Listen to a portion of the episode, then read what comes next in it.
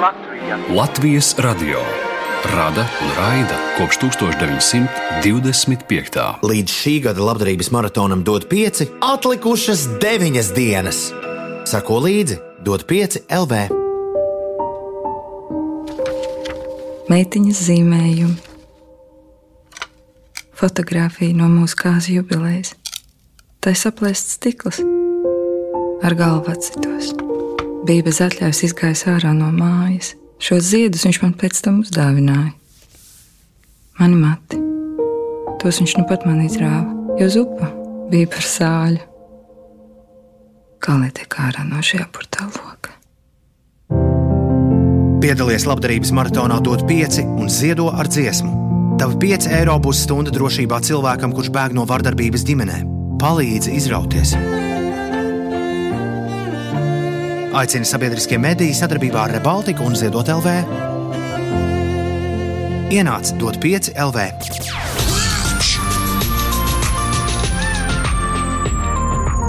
Pieci. Uzgriez un ir. Grēviņš, ziediņš un puķeka pieci rīti. Eterā katru dienu starp sešiem un deviņiem. Lai teiktu mums visiem, labrīt!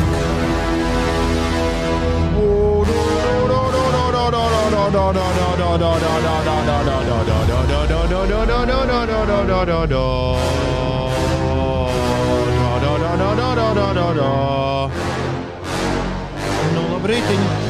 Labrītiņ, labrītiņ, labrītiņ, labrīt. Halo, ko kāds te ir? Kuku, čuču, pupu, Inese, pupu, Uldi, Labrīt. Zuzu.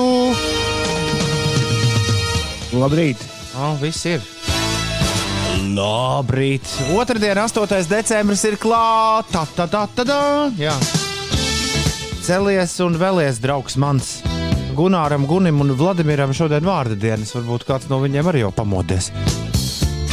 Ja tā tad skauj Gunāru, skauj Guni, skan, skauj Vladimiru un saka viņiem, hei, vīri, jūsu diena klāt. Sindijai Vildei liepājā dzimšanas diena daudz laimes. Nav viņu vairs. Viņi tagad ir kaut kur. Latvijā Liepā- ir. Kaut kur starp Liepāju un Rīgu. Droši Viņi ir vien. Latvijā. Niki Minēž, Anakonda. Tā gan nav Latvijā. Šodien ir dzimšanas diena. Nikijai Minēžai dzimšanas diena. Kimai Beisingerai un Šainedai Okonorai. Pasties kādām trim burvīgām ārzemju dāmām, kuras pievienojas jubilāra kalendārā Indijai. Viņām visām šodien ir dzimšanas diena. Daudz laimes!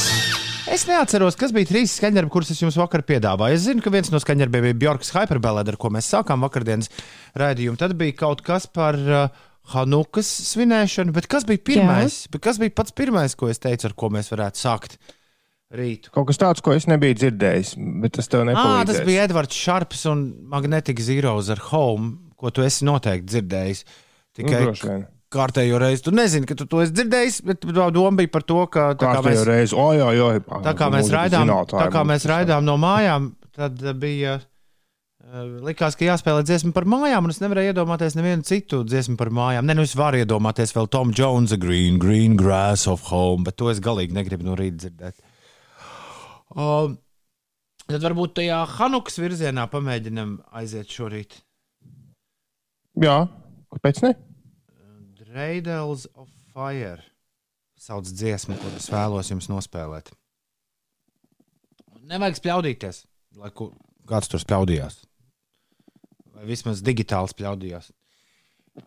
Dreidel, Dreidel ir tāda īpaša rotaļlieta, kur griež Hanuku svinot ebreju bērni. Man liekas, ka kaut kas līdzīgs vilciņam. Bet viņiem, Jā, jā, uz to pusi ir. viņiem īpašs nosaukums tas ir Dreidel. Un tagad par to, kas notiek, ja Dreidels aizdegs dziedās. Neviens cits kā mans labākais draugs no Ņujorkas, kuru sauc Ādams Grīns. Dreidels of Fire, rīta radio. Kur tam bija jāskan? Diezgan baisa scenārijs, man liekas. Nē, nē, bet uh, beigās diezgan jāstri sanāks. Klausies, Ines. Dreidels of fire,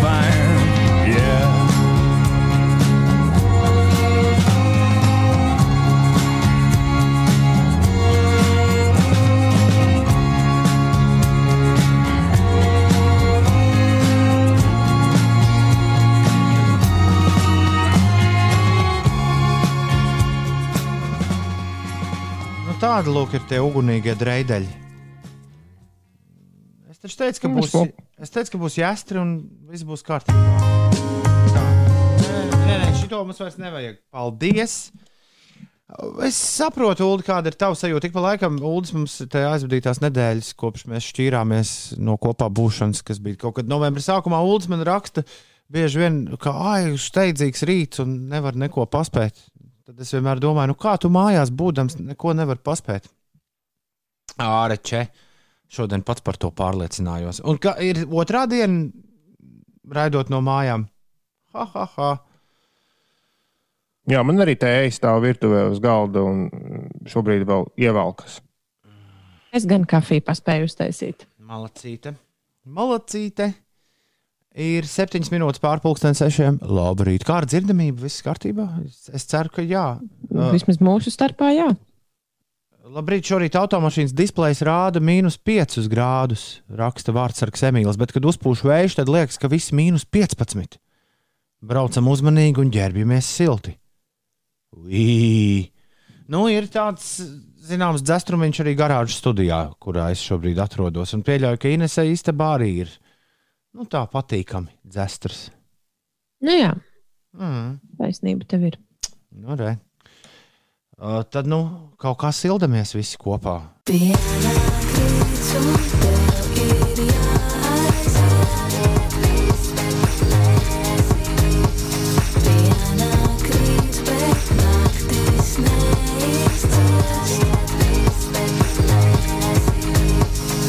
diviem gadiem, kas pavadīti ar Martu Stikla studijā, neizbēgami viņas balss arī mūzikā uzreiz kaut kā ar dod pieci man pašam asociējas. Šī noteikti ir viena no nu, trim foršākajām dziesmām, ko Marta jebkad ir sarakstījusi. Manuprāt, dziesmu sauc Tu neesi viss. Alfrēds ir pamodies. Viņš raksta, labrīt, mīļie piecīši. Esmu augšā, vakar skatījos futbola izlozi un dienas ziņas un grāmatu lasīju Easy Bang Bang to the Biri Lucky Kongresī Tamijē. Grāmatas lasīšana vispār ir jaunums, Alfred, tavā ikdienas atskaitē, ar ko es tev arī apsveicu. Jo laimīgi un galvenais gudri un izglītoti cilvēki lasa grāmatas. Tas ir forši, Alfred. Uh, Par futbola izlasi runājot, tas ir vakardienas lie otrs lielākais notikums pēc Boba Dilana uh, katalogu pārdošanas, vismaz manā burbulī. Par šīm abām tēmām ļoti daudz ļaužu vēlējās ar mani aprunāties, tiklīdz, tiklīdz tas notika. Uh, es nezinu, vai mēs Bobam Dilanam un viņa nabaga katalogam skarsimies šorīt klāt. Tas, kā nu producentu kungs būs iecerējis. Bet runājot par futbola izlasi, tā ir liela lieta, tīpaši futbola lielvalstīs. Es esmu saņēmis jau oficiālu. Tad, tad, kas notika? Vakar tika izlozētas grupas cīņai par iekļūšanu pasaules čempionātā futbolā. Un, ja nemaldos, tad pasaules čempionāts futbolā nākamais būs tas lielais, milzīgais čempionāts, kurā būs ļoti daudz komandas. Un uh, vēl viena svarīga lieta, ka tas notiks dot pieci laikā. Ja es neko neesmu sajaucis apvienotajos Arābu Emirātos, nu tāda vismaz ir iecerē, kā mēs zinām, ar iecerēm. Jā, nu, visādi mēdz gadīties. Bet uh, Latvija tika ielozēta vienā grupā ar Nīderlandi. Es jau vakar saņēmu no Nīderlandes vienas no lielākajām radiostacijām piedāvājumu kaut ko mums darīt kopā vajadzīgajās spēļu dienās. Es saņēmu ziņu no Latvijas Futbola Federācijas. Uh, jā, Par ko? par to, ka vajadzētu kaut ko foršu sadomāt. Uh, jā, pasties, kāda mums te laba grupa ielozējusies. Es teicu, galvenais, lai vīri spēlē. Nu, tā. tā, ka nav, nav jābēdājas. Ines noteikti vēlāk pastāstīs. Mums tur turki, bez Nīderlandieši ir absolūti favorīti mūsu grupā. Tad mums ir Gibraltārs, kas mums obligāti jāapspēlē, un turki vēl bija no lielajiem, no lielajām superzemēm.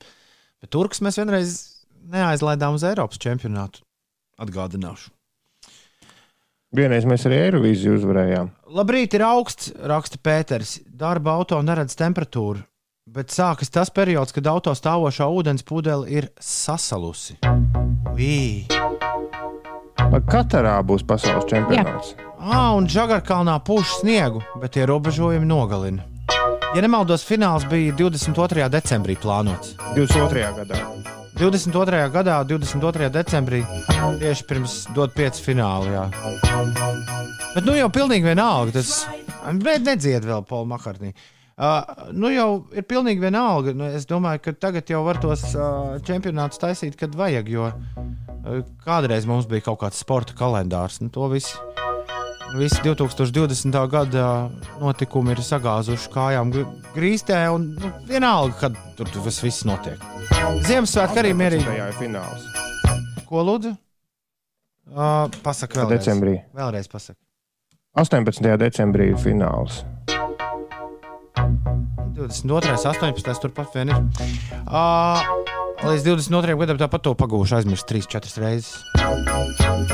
Ap Ziemassvētkus arī vispār varētu mierīgi, ja būs sniegs, aprīlī svinēt. NBA sezona sāksies Ziemassvētkos, piemēram. Labrīt! Nu, Ines, šī tik augsts būs visu dienu.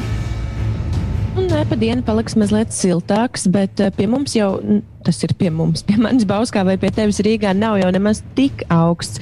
Visaugstākais šajā rītā ir Latgalē, kur daļā sēlīs un vidzemes gaisa temperatūra noslīdējusi līdz mīnus 7, mīnus 8 grādiem. Un tas ir lielākais sals valstī kopš marta. Savukārt Latvijas rietumu un centrālajos novados termometri rāda mīnus 3 un mīnus 6 grādus. Savukārt dienas laikā vidzemē un Latgalē gaisa gaidāms skaidrs laiks, visvairāk mākoņi būs kurzemes pusē. Būtiski nokrišņi nav gaidāmi. Dienvidu austrumu vējš eh, būtīs aptuveni ar ātrumu 11,16 m2, un gaisa temperatūra būs 0,5 grādi. Rīgā arī būs sausa un pārsvarā saulaina diena. Dienvidu austrumu vējš brāzmās brīžiem pastiprināsies līdz 13 m2, un gaisa temperatūra galvaspilsētā - 2 grādi. Patiesībā tas lielākais ļaundaris ir vējš, kas dod to augsto sajūtu. Par sportu. Eh, KHL vienība Rīgas Dienāmo vakar viesos pēcspēles metienos pārspēja rietumu zonas otru spēcīgāko komandu Sanktpēterburgas skā, pārtraucot piecu zaudējumu sēriju. Jā, un Dienāmo uzvarēja ar rezultātu 4 pret 3. Paskat! Dar ko var, dar ko var. Dienāmo ir jāuzvar. Ja gribi, tad pasties var visu to no, noorganizēt. Es, nevidra, es neteicu par to futbolu un dot pieci, tāpēc, ka dot pieci fināls sūdi būtu kaut kādā veidā apdraudēts ar futbolu. Mēs vienkārši par to bijām runājuši, ka, ka sakrīt dienas ar finālu. Nē, nu, skaidrs, ka, skaidrs, ka būs ļaudis, kas tam pievērsīs uzmanību, bet es nedomāju, jā, ka, ka tie nē, būs. Es vairāk domāju pats par sevi, kā futbola līdzjutējs, par tevi piedod ulu mazāk, ka, ka būs ļoti interesanti pa vidu vēl lielajiem darbiem un uh, tur dod pieci produkcijam mest acis uh, televizorā, kurā notiks lielais futbols. Nu, tieši šādas sajūtas mēs neesam nekad vēl piedzīvojuši iepriekš. Bet vienmēr visam pienāk pirmā reize, un 22. gadā tādu mums sola. Interesanti, kad viņi to Eiropas čempionātu izspēlēs. Nu, tas vēl ir labs jautājums. Tam bija jābūt šogad, ja? Tam bija jābūt šogad. Nu, tagad ir viss pārcelts uz, 20, nu, uz 21. gadu vasara. Bet, nu, paskatīsimies, kā nu būs. Tā būs Ozols un Superhypes. Vakar Magnus uzsprāga mūsu sapulcē tajā brīdī, kad es, es vai kāds cits norādīju uz to, ka kaut kas 2020. gada, vas, 21. gada vasarā varētu arī nenotikt nu, no plānotā. Teica, ka mēs visi festivālos dejošot un uh, vēl nesko darīšot. Lai piepildās viņa vārdi, bet uh, noslēdzot šī rīta nu, jau pagaro diskusiju par futbolu, es esmu pārliecināts, ka ar šī brīža loģistiku tāda vienkārši nebija. Pagājušajā gadā viss bija ļoti apmulsuši. Ar šī brīža loģistiku Eiropas čempionātu viņi tiešām uztaisīs šogad. Uh, vai tas būs ar skatītājiem, tas ir cits jautājums. Nākamgad, tas nu, 21. Es jau runāju. Es pagājušajā gadā abonēju žurnālu New Yorker uz gadu. Izrādās, ka, ja pie amerikāņiem abonē kaut ko uz gadu, tad 1. decembrī tev abonements beidzas. Tas bija mans jaunākais atklājums. Tur visiem ir sācies jau nākamais gads. Tā kā runājot par, par šo vasaru, es domāju, jau, jau loģiski 21. gada vasaru. Jo kas tad, kas tad vēl ir palicis? Mīļie draugi, ir cik 22 dienas, un 2021. gads būs klāts. Tik vienkārši. Labrīt, Rīga, labrīt, Latvija, labrīt, pasaule. Ir 6,25. Šeit Latvijas radio 5, 5 LV, 5 rītī. Grēviņš mājās, puķek mājās, ziediņš mājās. Visi mājās, un jūs mājās. Jūs arī mājās, viss vis pa mājām.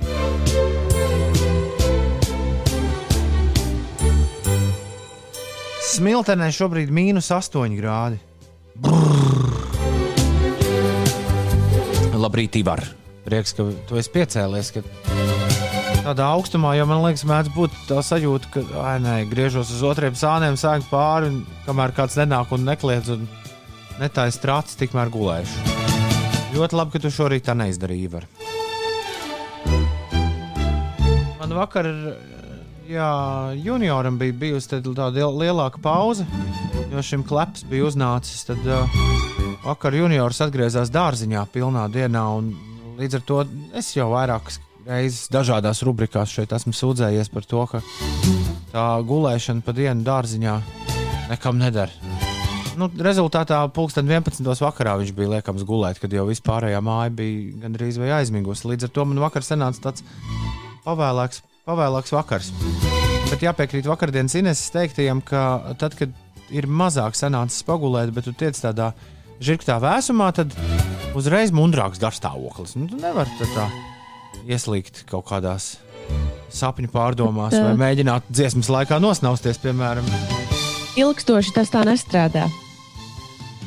Nu, ja tu pamēģinātu, piemēram, visu nedēļu tā maz gulēt un no rīta ieskriet vēsumiņā, nu, kaut kādā brīdī tomēr arī tas vēsumiņš tevi neuzraut augšā vairs. Mārtiņš jau no puspieciem klīst pa ielām un vāc atkritumus. Atkal tu arī aizskāri sāpīgu tematu, Mārtiņ. Man atkritumu, atkritumu vedēji par mani ir aizmirsuši. Nu, tur gan droši vien kaut kāds sakars ir ar, ar apsaimniekotājiem un tā tālāk. Bet... Kā man gribētos, lai kāds izved arī manējos atkritumus. Varbūt neesmu samaksājis. Nu, droši vien, bet ne jau ne, nu, es esmu samaksājis. Bet kaut kas tur tajā nākamajā posmā noteikti ir. Par citu labi, ka atgādinājāt. Arī man šodien ir jāizved atkritumi. Tad tas konteinerīts jāaizved līdz uh, ceļgalam. Citādi pabrauks garām. Ineses šitā skaņas karte šorīt ir izdomājusi taisīt interesantus troks, troksnīšus, kuri man atgādina cilvēku, kurš vakar vakarā ziņas ar speķi rēdis. Labi, es, es jau varu pārspraust mikrofonu bija... vadu, bet tas jau neko nemainīs. Ne, ne, šis bija jā, vienkārši lietas secinājums. Vakar tavs skaņas kartes šādi neuzvedās. À, es pakustināju mazliet mikrofonu. Tas var Tas tagad padarīja visu daudz sliktāku. Jā. Bet tad ir skaidrs, kur ir vaina. Acīm redzot, ka kaut kas tev tur vadojumos nav līdz galam kārtībā. Ja, ja īsa īs replika, es zinu, ka Inesē nepatīk šīs te tehniskās sapulces ēterā, bet visas pazīmes Jā. liecina, ka tā, ka tā vaina ir vadā vai, vai vada USB, nu, USB ligzdā vai vadā, kas ir iesprāstīts USB nu, kaut kur tur. Bet dīvaini, ka šis te skaņa uzrodas tikai tad, kad tu esi laukos. Es kā liktu domāt, ka tā ir interneta vaina, bet pilnīgi viss arī- nu, loģika saka, ka tas ir vats. Bet kāpēc tas vats Rīgā nav tāds? Tuk, tuk, tuk, tuk, tuk.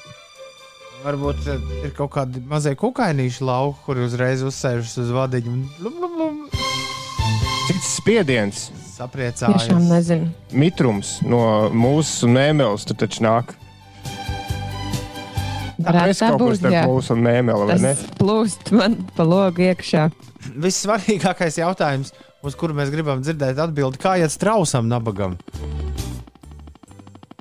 À, Strauss nav atradies. Ai, Nezinām, kā tam iet. Ines pazaudēja strausu. Nu, varbūt ne Ines eh, konkrēti, bet. Negluži es, jā. viņš gāja ganīties mums- un aizgāja neceļos. Nu, apmēram tā, jā. Mūsu trausiņš. Nandu strauss. Nandus tā, jā, jā. Atva- atvainojos. Jā. Tā kā grupa sauc. Tāds augumā mazāks. Jā, tagad Tā klīst. sauc kaut kādu grupu.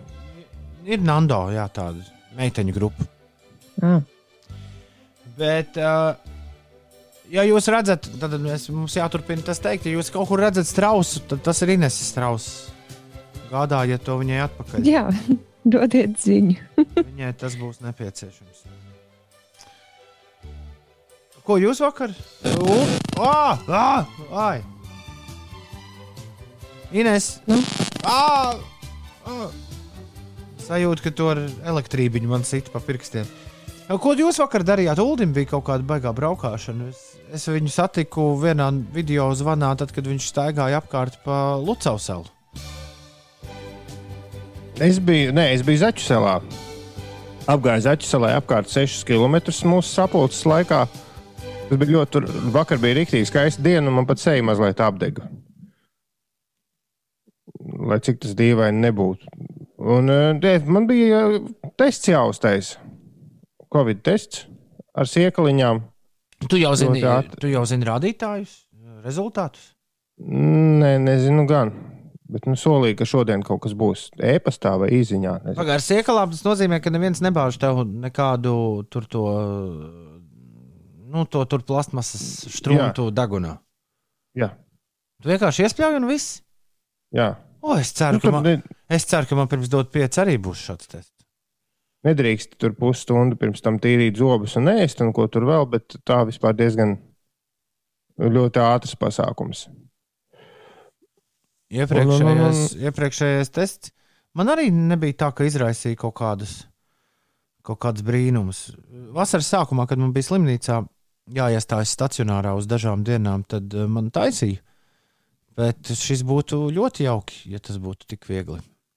Pirms eh, sāksies stikla studijas pasākums, mums visiem arī būs jāiziet cauri, cauri Covid testam, lai būtu skaidrs, ka esam, esam drošībā. Vai tu nepabeidzi, Ulu, tu vēl kaut ko gribēji teikt? Nē, nu, tur bija vesela milzīga operācija, jo tur tika veikti kaut kādi 90 vai 100 testi dažu stundu laikā. Tur, tur bija. Un, un vispār tā ļoti jocīga cilvēku klātbūtnē, spļautu trauciņā. Nu, labi, ka tur bija tāda aizslietņa, un, un viss bija. Nē, distance, protams, bija nu, ļoti nopietni. Tur visiem bija rokas jādezinficē, un tika dezinficēts viss pildspaules un viss tā tālāk. Tādā ziņā viss ļoti droši. Nu, jā, nu, uztaisīja testu, tas arī viss. Un pēc tam man bija dot daudz darba, dot pieci, un tad, tad tā tā diena pagāja. Un rekur jauna diena klāta. Vispār eh, pēc tā visa, kā Ulas aprakstīja Ineses tehnoloģisko situāciju, tur ir kaut kāda loģika tam, kurš raksta, ka vajag pārbaudīt, vai dators Inesē ir iesprāstīts, iesprāstīts kontaktā pagarinātājā, kuram ir zemējums. Es pieļauju, ka ar šo informāciju tev vecais puķeks var Ines palīdzēt. Nu, galvenokārt, kurš guļ šobrīd droši vien. Bet, Jā. uh, Bet, uh, bet tas Rīgā es lietoju tādu pašu pagarinātāju, kāds ir šeit. Jā, jā bet elekt... tas jau nemaina. Kā, kā šo lai sāk Inesē skaidrot? Tas jau nemaina. Varbūt to nevajag ēterā darīt. Nu, ir taču daudz uh, jaukākas lietas, par ko runāt. Ulu, iespējams, tavs tests jau gatavs. Tā kāds ir atrakstījis, ka tu vari caur savu banku ie, ielogoties vienā mājaslapā un tur apskatīties, vai tā ir vai nav. Varbūt to arī nevajag ēterā darīt. Jā, varbūt arī. Interesanti, kā jā, pagrieztos šis rīts, ja mēs uzzinātu, ka Ulas pēkšņi saslims. Tu, tu, tu, tu, tu! Nu, nu gan izdoma. Man nebūtu jāiet uz mēģinājumu šodien. Tas būtu šodien skaidrs. Es ietu gulēt pēc ētera. Sāktos Lai gan nē, kāpēc tev būtu jāiet dzīve. gulēt? sliņķa dzīve. Ja tu jūties gana labi, tu vari strādāt attālināti. Nu, mēģinājums nevar būt attālināts, diemžēl. Nu, kas? Visai drīz. Mēģinājums. nē. Bet visi darbi dod pieci sakarā. Nu, tie jau tagad ir attālināti. Nē, nemainītos pilnīgi nekas, izņemot to, ka es varbūt būtu ļoti slims. Nu, smagi. Nu, tu būtu ļoti bēdīgs. Nu, arī diez vai. Nu, tā. Ah, nē, Ines Uldis sāktu filmēt savu Covid vlogu. Nu, varbūt ka šī ir laba tēma. Top 10 rītdien, ko Bulls varētu darīt, kad viņš saslimst ar kādu slimību, kas iespējams neatstāja nekādas sekas, bet iespējams ka, nu, jā, atstāja, lai uz visu mūžu viņam kaut kādā veidā traucē. Ah, ir 6,35 minūtes. Labrīt, visapkārt. Ir pienācis īstais brīdis uh, uzlikt under pressure. Jo, nu, dažs labs ir under pressure šajā rītā. Nelielā, bet ir pressure. Nu, kā to var dzirdēt. Queen un Davids Bowijs 6,36. Jautājums Ines, ir, vai tev nav kāds cits vēl kontakts, kurā kaut kur nu, pretējā sienā, piemēram, kur visu pārspraust? Nu, tas par tām elektrības fāzēm. Veselība uldim, stress pāries, arī garākā dienas stunda ilgs tikai 60 minūtes. Viss ir relatīvs, raksta diplomāts. Paga, Īstenībā- paga, paga, paga, paga, paga. Nav nekādas veselības problēmas, un nav nekāda stresa. Par ko mēs, mēs te sacēlām, tagad panika no kā. Man vienkārši vakar bija darba vajadzībām uz- jāuztais Covid tests. Man patīk, ka mēs to man- savā ziņā man liekas jauki, ka mēs to dramatizējam. Jo Jo tas uh, kaut nedaudz piedod uh, nu, kaut kādu svarīgumu tam, ko mēs šorīt darām. Nē, tas ir forši vienkārši cilvēki pārprot visu, ko var pārprast. Un, uh, tāpēc Jā, varbūt uz- uz, ļoti iespējams, ka pusē nevērīgāko klausītāju, kas šo pausu galam dzirdēja, sāks stāstīt kolēģiem, ka Ulas ir saslims. Jā, arī, arī to var izlobīt no iepriekšējā sketča, bet, uh, bet tā tas nav. Nē, viss miers. Miers mājās. Viss ir ā, re, kur ir mans rezultāts? Paga, paga, paga. Laboratorijas izmeklējums 7. aiziet, decembris. aiziet klausies, Ines. Nu. Nu, Izmeklējums vīrietis atbilstoši testēšanai. Maksātājs televīzija, paldies televīzijai. lieliski. Adrese pilnīgi nepareiza Siguldā. Kāpēc viņiem ir tāda adrese? Man taču deklarēta adrese ir cita. Dīvaini. Infekcija diagnostika SARS-CoV-2 RNS siekalās. d, d, d, d, d. Rezultāts negatīvs. Jēj! Nu, slikts tā tad. Ko? Bet Nē. es nesaprotu īsti to, to Nu, nav. tavu reakciju. Nu, Uldis ir viens no tiem cilvēkiem, kurš ļoti uh, disciplinēti un apzināti izvairās no kontakta ar citiem cilvēkiem. Līdz ar to es pilnīgi citu rezultātu nemaz nebūtu gaidījusi. Viss kārtībā, Ines. Tu guvi apstiprinājumu savai pārliecībai par Ulu brīnišķīgo, brīnišķīgo spēju izvairīties no baceļiem. Tā arī ir. Jā, man prieks. Viss ir relatīvs, izņemot Lauras miegu. Tas ir fantastiski ciešs. Mostas Rīga, Latvija raksta diplomāts. Labrīt, diplomāts. Uh,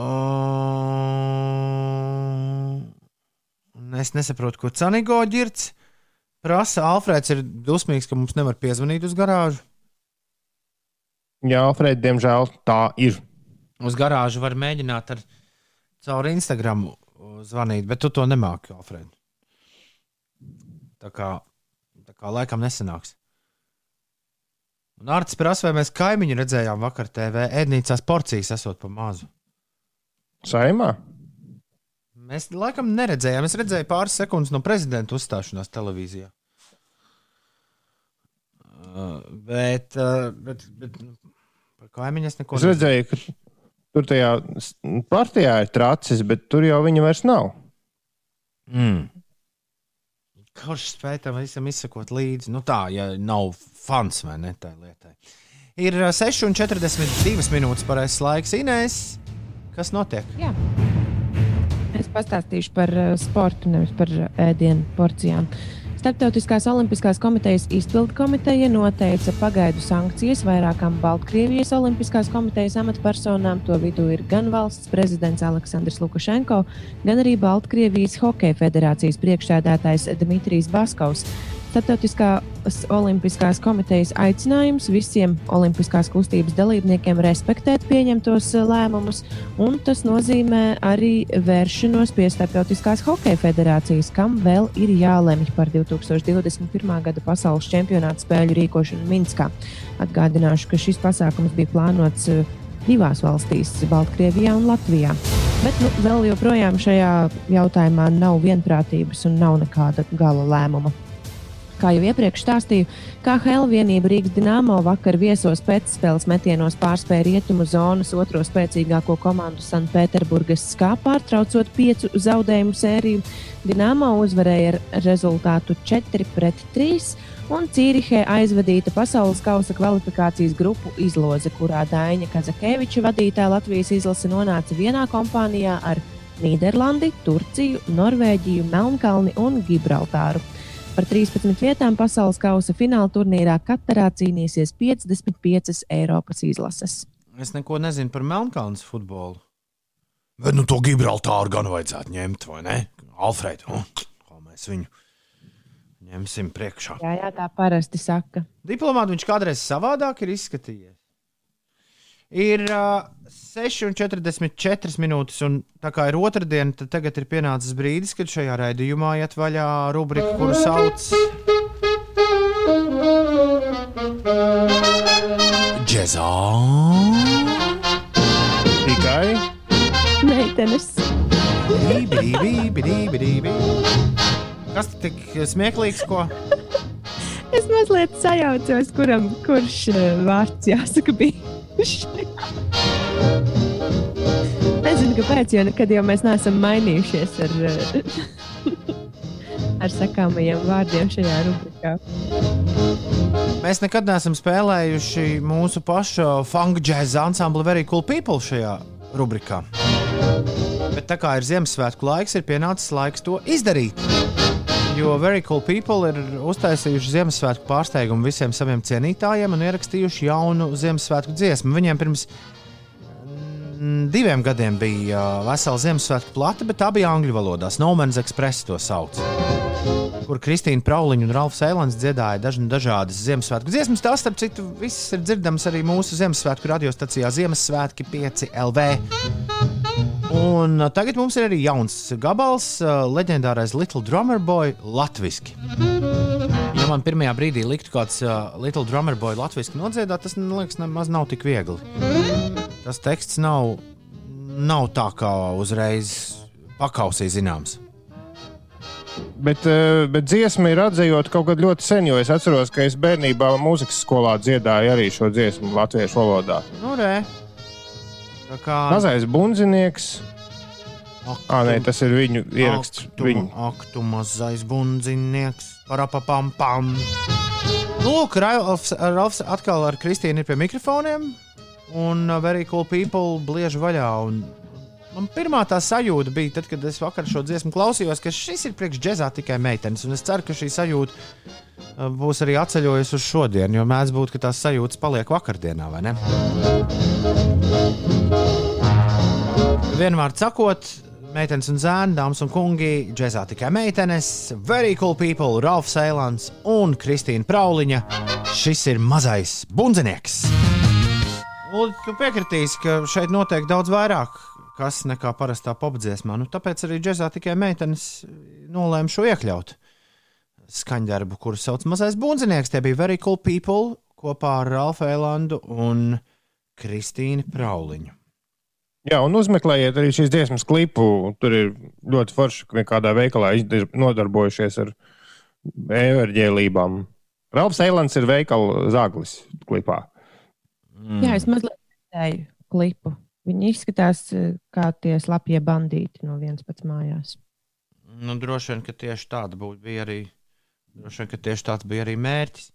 Labs, Jā, darbi, jā, labs darbiņš, kas padarīts. Es zinu, ka kāds no Very Cool People mēdz mūs ieslēgt agrās rīta stundās. Mums šis patīk, un šis mūsu svētku noskaņojums pavisam noteikti uh, attīsta. Nu, teiksim tā. Ļoti labs bundzinieks sanācis, raksta arī Vetārs Kristaps, un čučuķi var saklausīt time after time motīvu, bet tas tikai uz labu. Nārtis vēlas, lai mēs pārsaucam džēzā tikai meitenes uz džēzā tikai meičuki. nu, beidz arti. Nebūs te nekāda var. Stāv pie ratiem. Laika mašīnā, na, na, na, na, na, mašīnā. Labs ir ātrais laika mašīnas brauciens. Pa laika upi arī tagad notiks.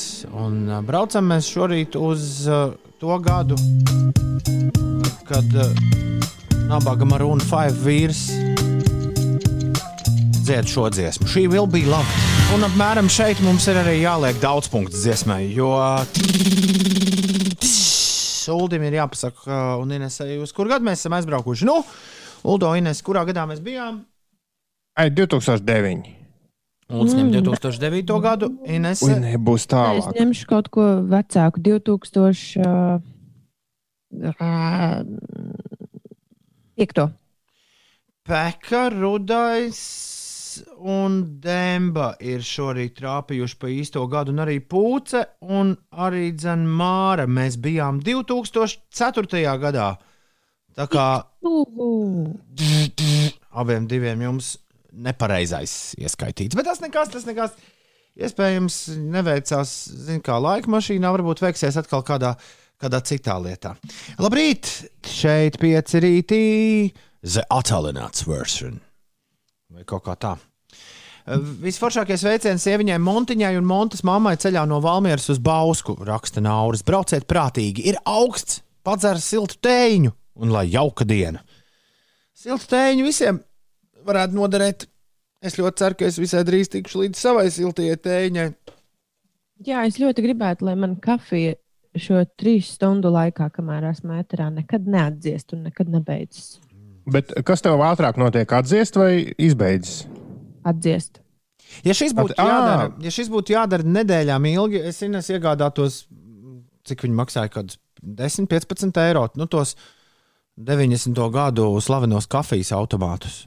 Nu, tur sataisītu tēju iekšā tajā viņa bundulī un uh, vienkārši lai, lai stāv visu laiku. Nu, Viņš, atcerieties, turēja visu laiku siltu. Piemēram, kafiju oficiālā. Nu, es vēl esmu domājis, ka tomēr tās termokrūzes, kas man ir mājās, tās ir jāizmanto beidzot. Es vakar ārzemju žurnālā redzēju pretējo termokrūzei. Krūze, kurā ielēja augstu dzērienu, un tas 24 stundas paliek augsts. To sauc par termosu. Abi divi ir termosi. Nu, ja? Mūžs dzīvo, mūžs mācies. Man vienmēr bija licies, ka termos galvenais uzdevums ir saglabāt dzērienu karstu, nevis augstu. Nē, arī augstu tas var saglabāt. Viņa uzdevums ir saglabāt eh, daudz maz to šķidruma temperatūru, kāda ir, tad, kad tajā ielēja iekšā kaut ko. Skaidrs. Ir 8 pār 7. Tā, tā, tā,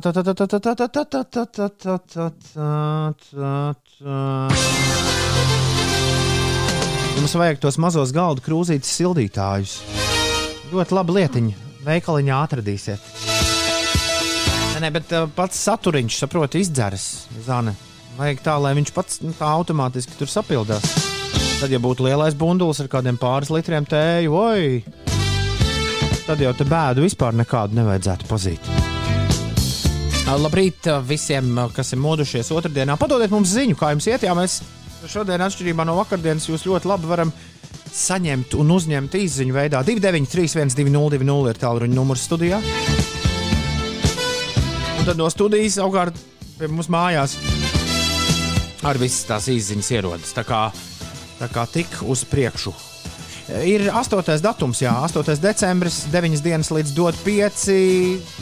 Kāds 15 līdz Ziemassvētkiem. Gunāram, Gunim un Vladimiram ir vārdu svētki. Sindijai Vildei dzimšanas diena, Nikijai Minēžai, Kimai Beisingerai un Šainedai O'Konorai. Viņām visām ir dzimšanas dienas, daudz laimes! Un lai viss viņām izdodas. Uldis teica, ka šodien obligāti vajadzēs, lai raidījums izdotos manu, manu Facebook draugu kalendāru. Lai vēl kādu apsveiktu dzimšanas dienā, bet ir tikai Meldra gūža, kur mēs neesam apsveikuši. Oh, mūsu Londonas mūziķi.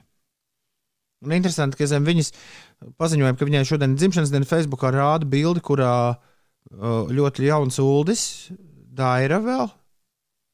Un uh, es īkšķīju un skračīju kraklā, visi ar Meldru esam nobildējušies piecinieku studijā. Nu, izskatās kādā 2014. gadā. tā varētu būt. Tā sanāk, jā. Pēc puikas jūsu ziediņa kungs tur izskatāties. Jā, gadu trūkums nav laba lieta. Galīgi ne. 30 48 eiro. Nē, Ulu pa dārgu.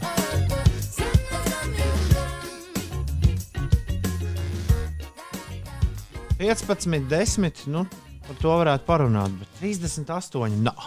Sijā, Santa's coming uh, for us. Tā sauc dziesmu, kuru nu pat dzirdējām. Tā ir moderna Ziemassvētku dziesma. Ir uh, 14 minūtes pāri septiņiem. Uh, jā. Lifehack par termosu no Lisā. Vasarā balītē, lai nav jāstaigā uz leduskapa, ledu termosā un turi uz galda.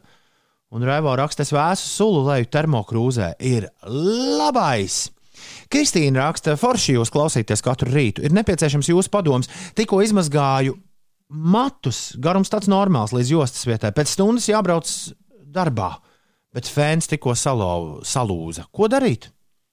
Kristīna, es neesmu ar fēnu žāvējis matus gadu 16.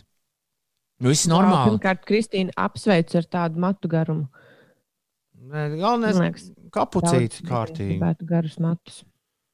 Jā, bet ar to fēnošanu, nu, droši vien, kamēr esi ārā, tikmēr sasadz kārtīgi galvu, lai, lai nenosalst. Kas pa ziepēm minēs ar gariem matiem? Kāpēc? kāpēc Nav nekādas ziepes. Kāpēc Nezinu, daudz? man liekas, ka. Man liekas, ka, nu, labi, varbūt daudzas nē, bet man liekas, ka gari mati ir ļoti skaisti. Tas gan, bet kāpēc tad to, tie netiek audzēti? Oh, vīrieši. Ne jau vienmēr tie mati nu, paši tā aug. Ir arī, piemēram, neveselīgāki mati, ir veselīgāki mati, ir ātrāk augoši, ir lēnāk augoši. Mm. Jā, mums vienkārši liekas, ka matus, nu kā, ja tu nenogriezīsi, tad tie izaugs garāki. Bet tā jau nav laikam. Hmm. Nu, labi. Uh, jā, bet es, es mēģinu atrast risinājumu problēmai. Kristīnas. Un vienīgais, ko es atradu, ka papīra dēļiem var, var izslaucīt matus daudz labāk nekā ar audumu. Pēters saka, lai ieslēdz rokenrolu un 25 minūtes krata galvu. Ja Nevajag- nebūtu mīnus ārā, tad varētu mašīnai pa logu izbāzt.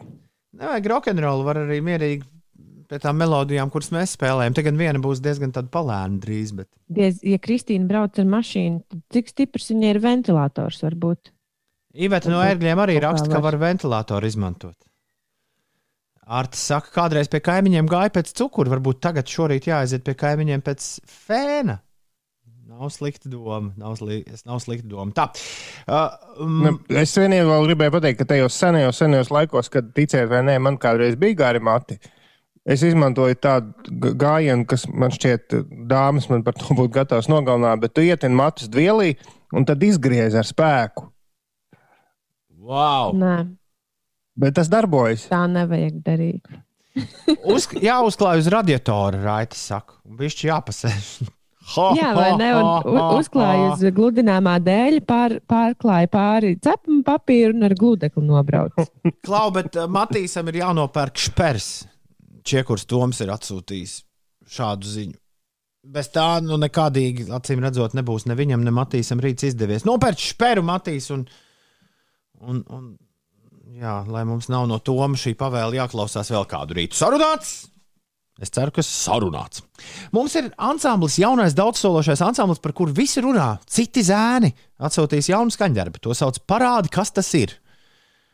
Un uh, mēs to nekad neesam rīta pārēdē dzirdējuši. Ir pienācis laiks to noklausīties. Citi zēni, parādi, kas tas ir. Labrīt! Cēlies augšā un Ines stāsta, kas notiek. Iepriecinoši ziņa autobraucējiem izskatās, ka galvenie un arī reģionālie autoceļi Latvijā ir apmierinošā stāvoklī. Arī sastrēgumi Rīgas ielās, nu, varētu teikt, ka nemaz nav.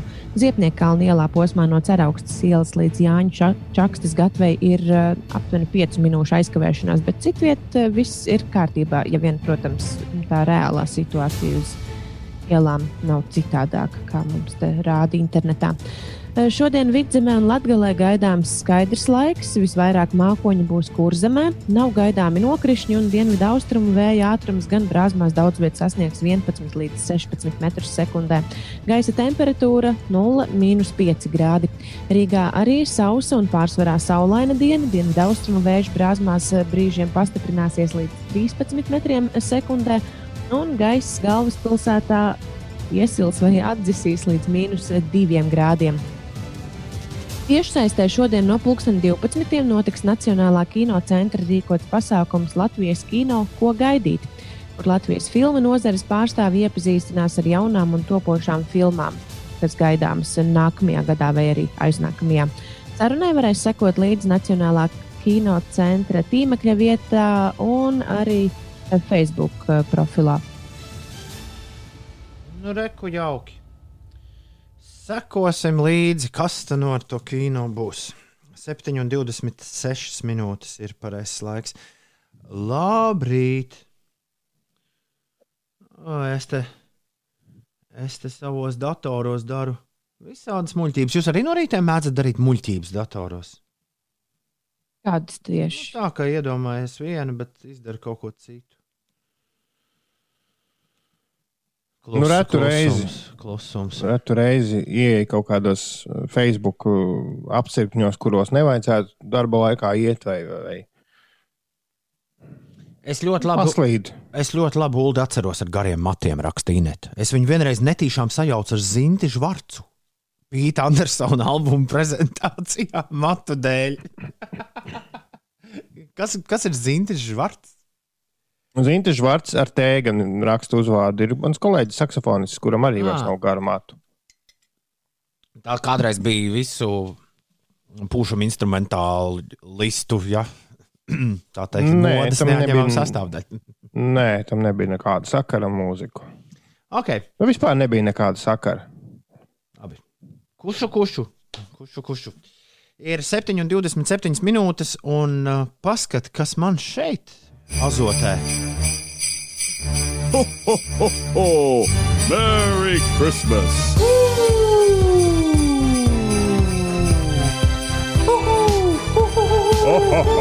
Salauztas sirds, sveces mirdz, zvana ģirds, būs laba pirts. Pēc tam ak, vai, vai, vai, vai, viss kļuvis karsts un neparasts. Svīstu es, liels man stress, kā netikšu uz banketu. Ak, vecītī, dec svecītī, lai priecīgu brīnumu dāvini. Lai varu es sveikt meitenes un dziedāt ļā, ļā, ļā, ļā, ļā, tai banketā. Tur rotaļas, piparkūkas, viens pats mājās, nē, tur lamājas. Desiņas, maziņas, Tu, tu, tu, tu, tu. 30% gaļiņas, garšīgas, Bet nākamreiz, Tu, tu, tu, tu, tu. kad zvanīs ģirts, Tu, tu, tu, tu, tu. es teikšu tam, Tu, tu, tu, tu, tu. ka nesmu žirgts. Lai tev draugs, rīta radio daudz, vienmēr blakus arī nākam gad! Es dzirdēju šo viņu dienu mūsu Ziemassvētku radiostacijā, Ziemassvētki 5LV. Ui, tur cilvēki tiek mocīti ar mūsu dziesmām. Nebieži, nebieži, bet šo es izdzirdēju, un es uh, pats klausījos, un pie sevis domāju, ka ir diezgan grūti noķert mūsu tās reizes, nu, jā. Ziemassvētku pasakas domu.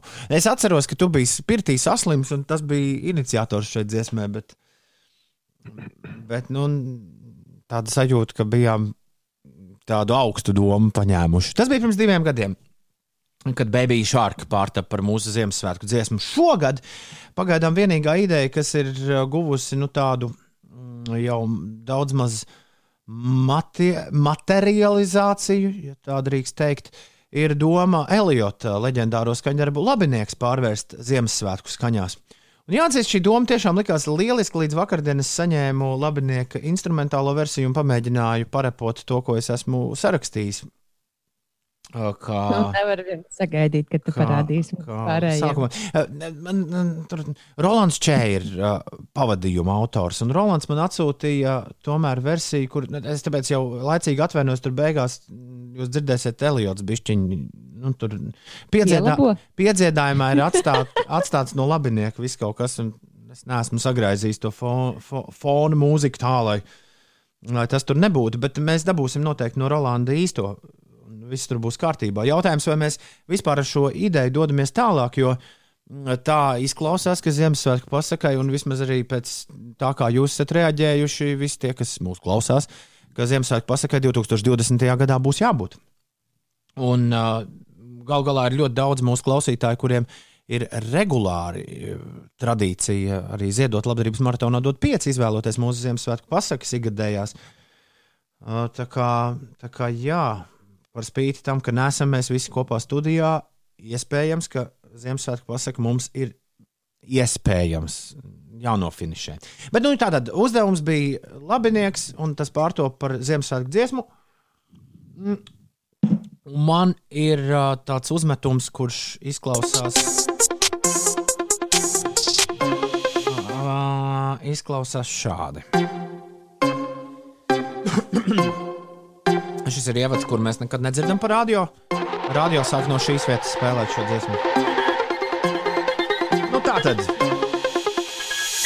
Pārgads kārtu Jānis nāca gada vidū papardziet. Ātri vasarā bija galā dēlam skolā abečnieks. Gribēju es iet uz disko, bet tika aizliegts kustībnieks. Kafejnīcu cieti vēra, nu jau zuda dzīvot prieks. Apkurnieks, sapulcēs jau atkal rulē zūminieks. Brīvdienās viss besīja ārā noskumis ar veikalnieks. Maska virsū divi metri brīdina uga dumpinieks. Balinieks, bet durvis nevar vaļā man pat radinieks. Par spīti tomēr sanāk tā, ka iekšā man ir drošībnieks, kas svētku prieku garu rotu nesabojās vīrusnieks. Dāvanas es visiem dalu virtuāli. Gudrinieks, eglē mantiņas es karu, rekur brīnums vecinieks. Brīvdiennieks nav šaubu, esmu es īsts Ziemassvētinieks. Ziemassvētnieks ir tas, kam sirdī pēkšņi atmirts gaišumnieks. Labdarnieks, jāatbalsta noteikti dod piecinieks. Ziedot prieks, satīrīts, nu gadam būs mans karminieks. Tas ir viss, kas man ir. Oi, Daudz informācijas diezgan. oi. Arī Nu jā, baigi es- ātri. Oh. Un cik procenti tas ir no dziesmas? Tā bija. Tā ir apmēram puse. Tā ir apmēram puse minūte, minūte 20. Un Pēc, Jā, tā, tur īsti, īsti nav ko piebilst. Un pēc tam varētu ulu panti. Nu, man, man tā pirmā doma bija tāda, ka tad, o, pēc tam varētu būt ulu panti. Nu, tad, kad jo, jo tas, tās beigas tur sanāk kā piedziedājums, kas atkārtojas divreiz. Mm. Un tad pēc tam ir tieši tas pats vēlreiz, nu, pēc garuma. Un tad Jā, savukārt- vienīgi sajūta, ka tur viss jau ir pateikts. Nu, pēc, Pagai, bet šis bija, subje, šis bija mans subjektīvais reps. nu, jā, jā, bet tajā, vis, tajā tika pateikts jau viss, nu, tik daudz. Mm, Jā, nu, vienkārši varbūt, ka vajag to tavu tekstu kaut kur iekopēt. Maska virsū divi metri brīdi. Man šī vieta vislabāk patīk. Maska virsū divi metri brīdina uga dumpinieks. Un man, jo, man doma, ka tos vārdus beigās Ines saka. Nu, tos, kas ir ik pa laikam, nu, tie atslēgas vārdi, kas noslēdz rindiņu. Nu, piemēram, Maska virsū divi metri brīdina uga un Ines dumpinieks. nu, nu, tā, tā to salikt. Vai arī Inesē bija tas jingliņš par gudrinieku. Dāvanas es visiem dalu virtuāli. Gudrinieks. Nu, Tu vari, tu vari manu to jingliņu, kas nē, nē, tur ir sarunās man speciāli priekš šitā. Viss, Ā, viss, jā, viss normāli. Jā. Ziemassvētinieks. Nu, nekas labāks man neienāca prātā. Jā, tas ir īstenībā. Es, es gaidīju to vārdu. Tas Brīv- ir grūts vārds. Brīvdiennieks nav šaubu, esmu īstais Ziemassvētinieks. Ziemassvētnieks ir tas, kam sirdī pēkšņi atmirts gaišumnieks. Nē. Pie šī vēl var pastrādāt. Ziemassvētnieks ir tiešām kaut kā. Tur vajag kaut ko izdarīt. Ziemassvētnieks. Labs, sasmējāmies kā traki. Svētceļnieks kaut kā. Toms Malacis, sveiciens Mārtiņam, lai forša diena. Ivars raksta, Tom, tā versija ir labāka par oriģinālu. Kurš? Nu, tur tā lieta, ka tur vairs neprasās neko īsti. Bet varbūt tieši Nu, par to Ulu tev ir jāuzraksta reps. par to, ka Tur vairs tev, neko neprasās. Nav ko teikt. kad tu pie mikrofona ticis, esi kā otrībnieks. Un tev ir trūcis piebilstnieks.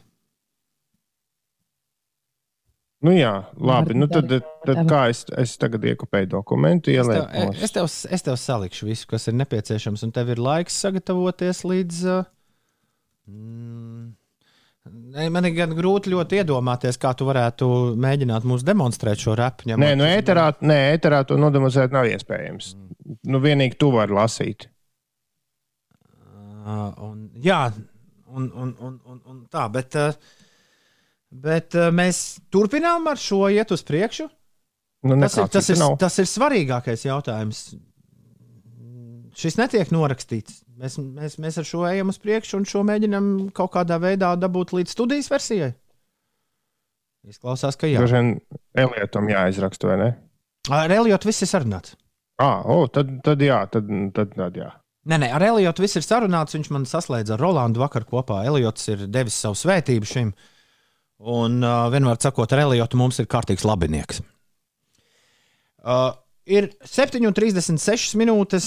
Nu tad uh, tuvākajās dienās es tā jūtu, ka mums būs Ziemassvētku pasaka 2020.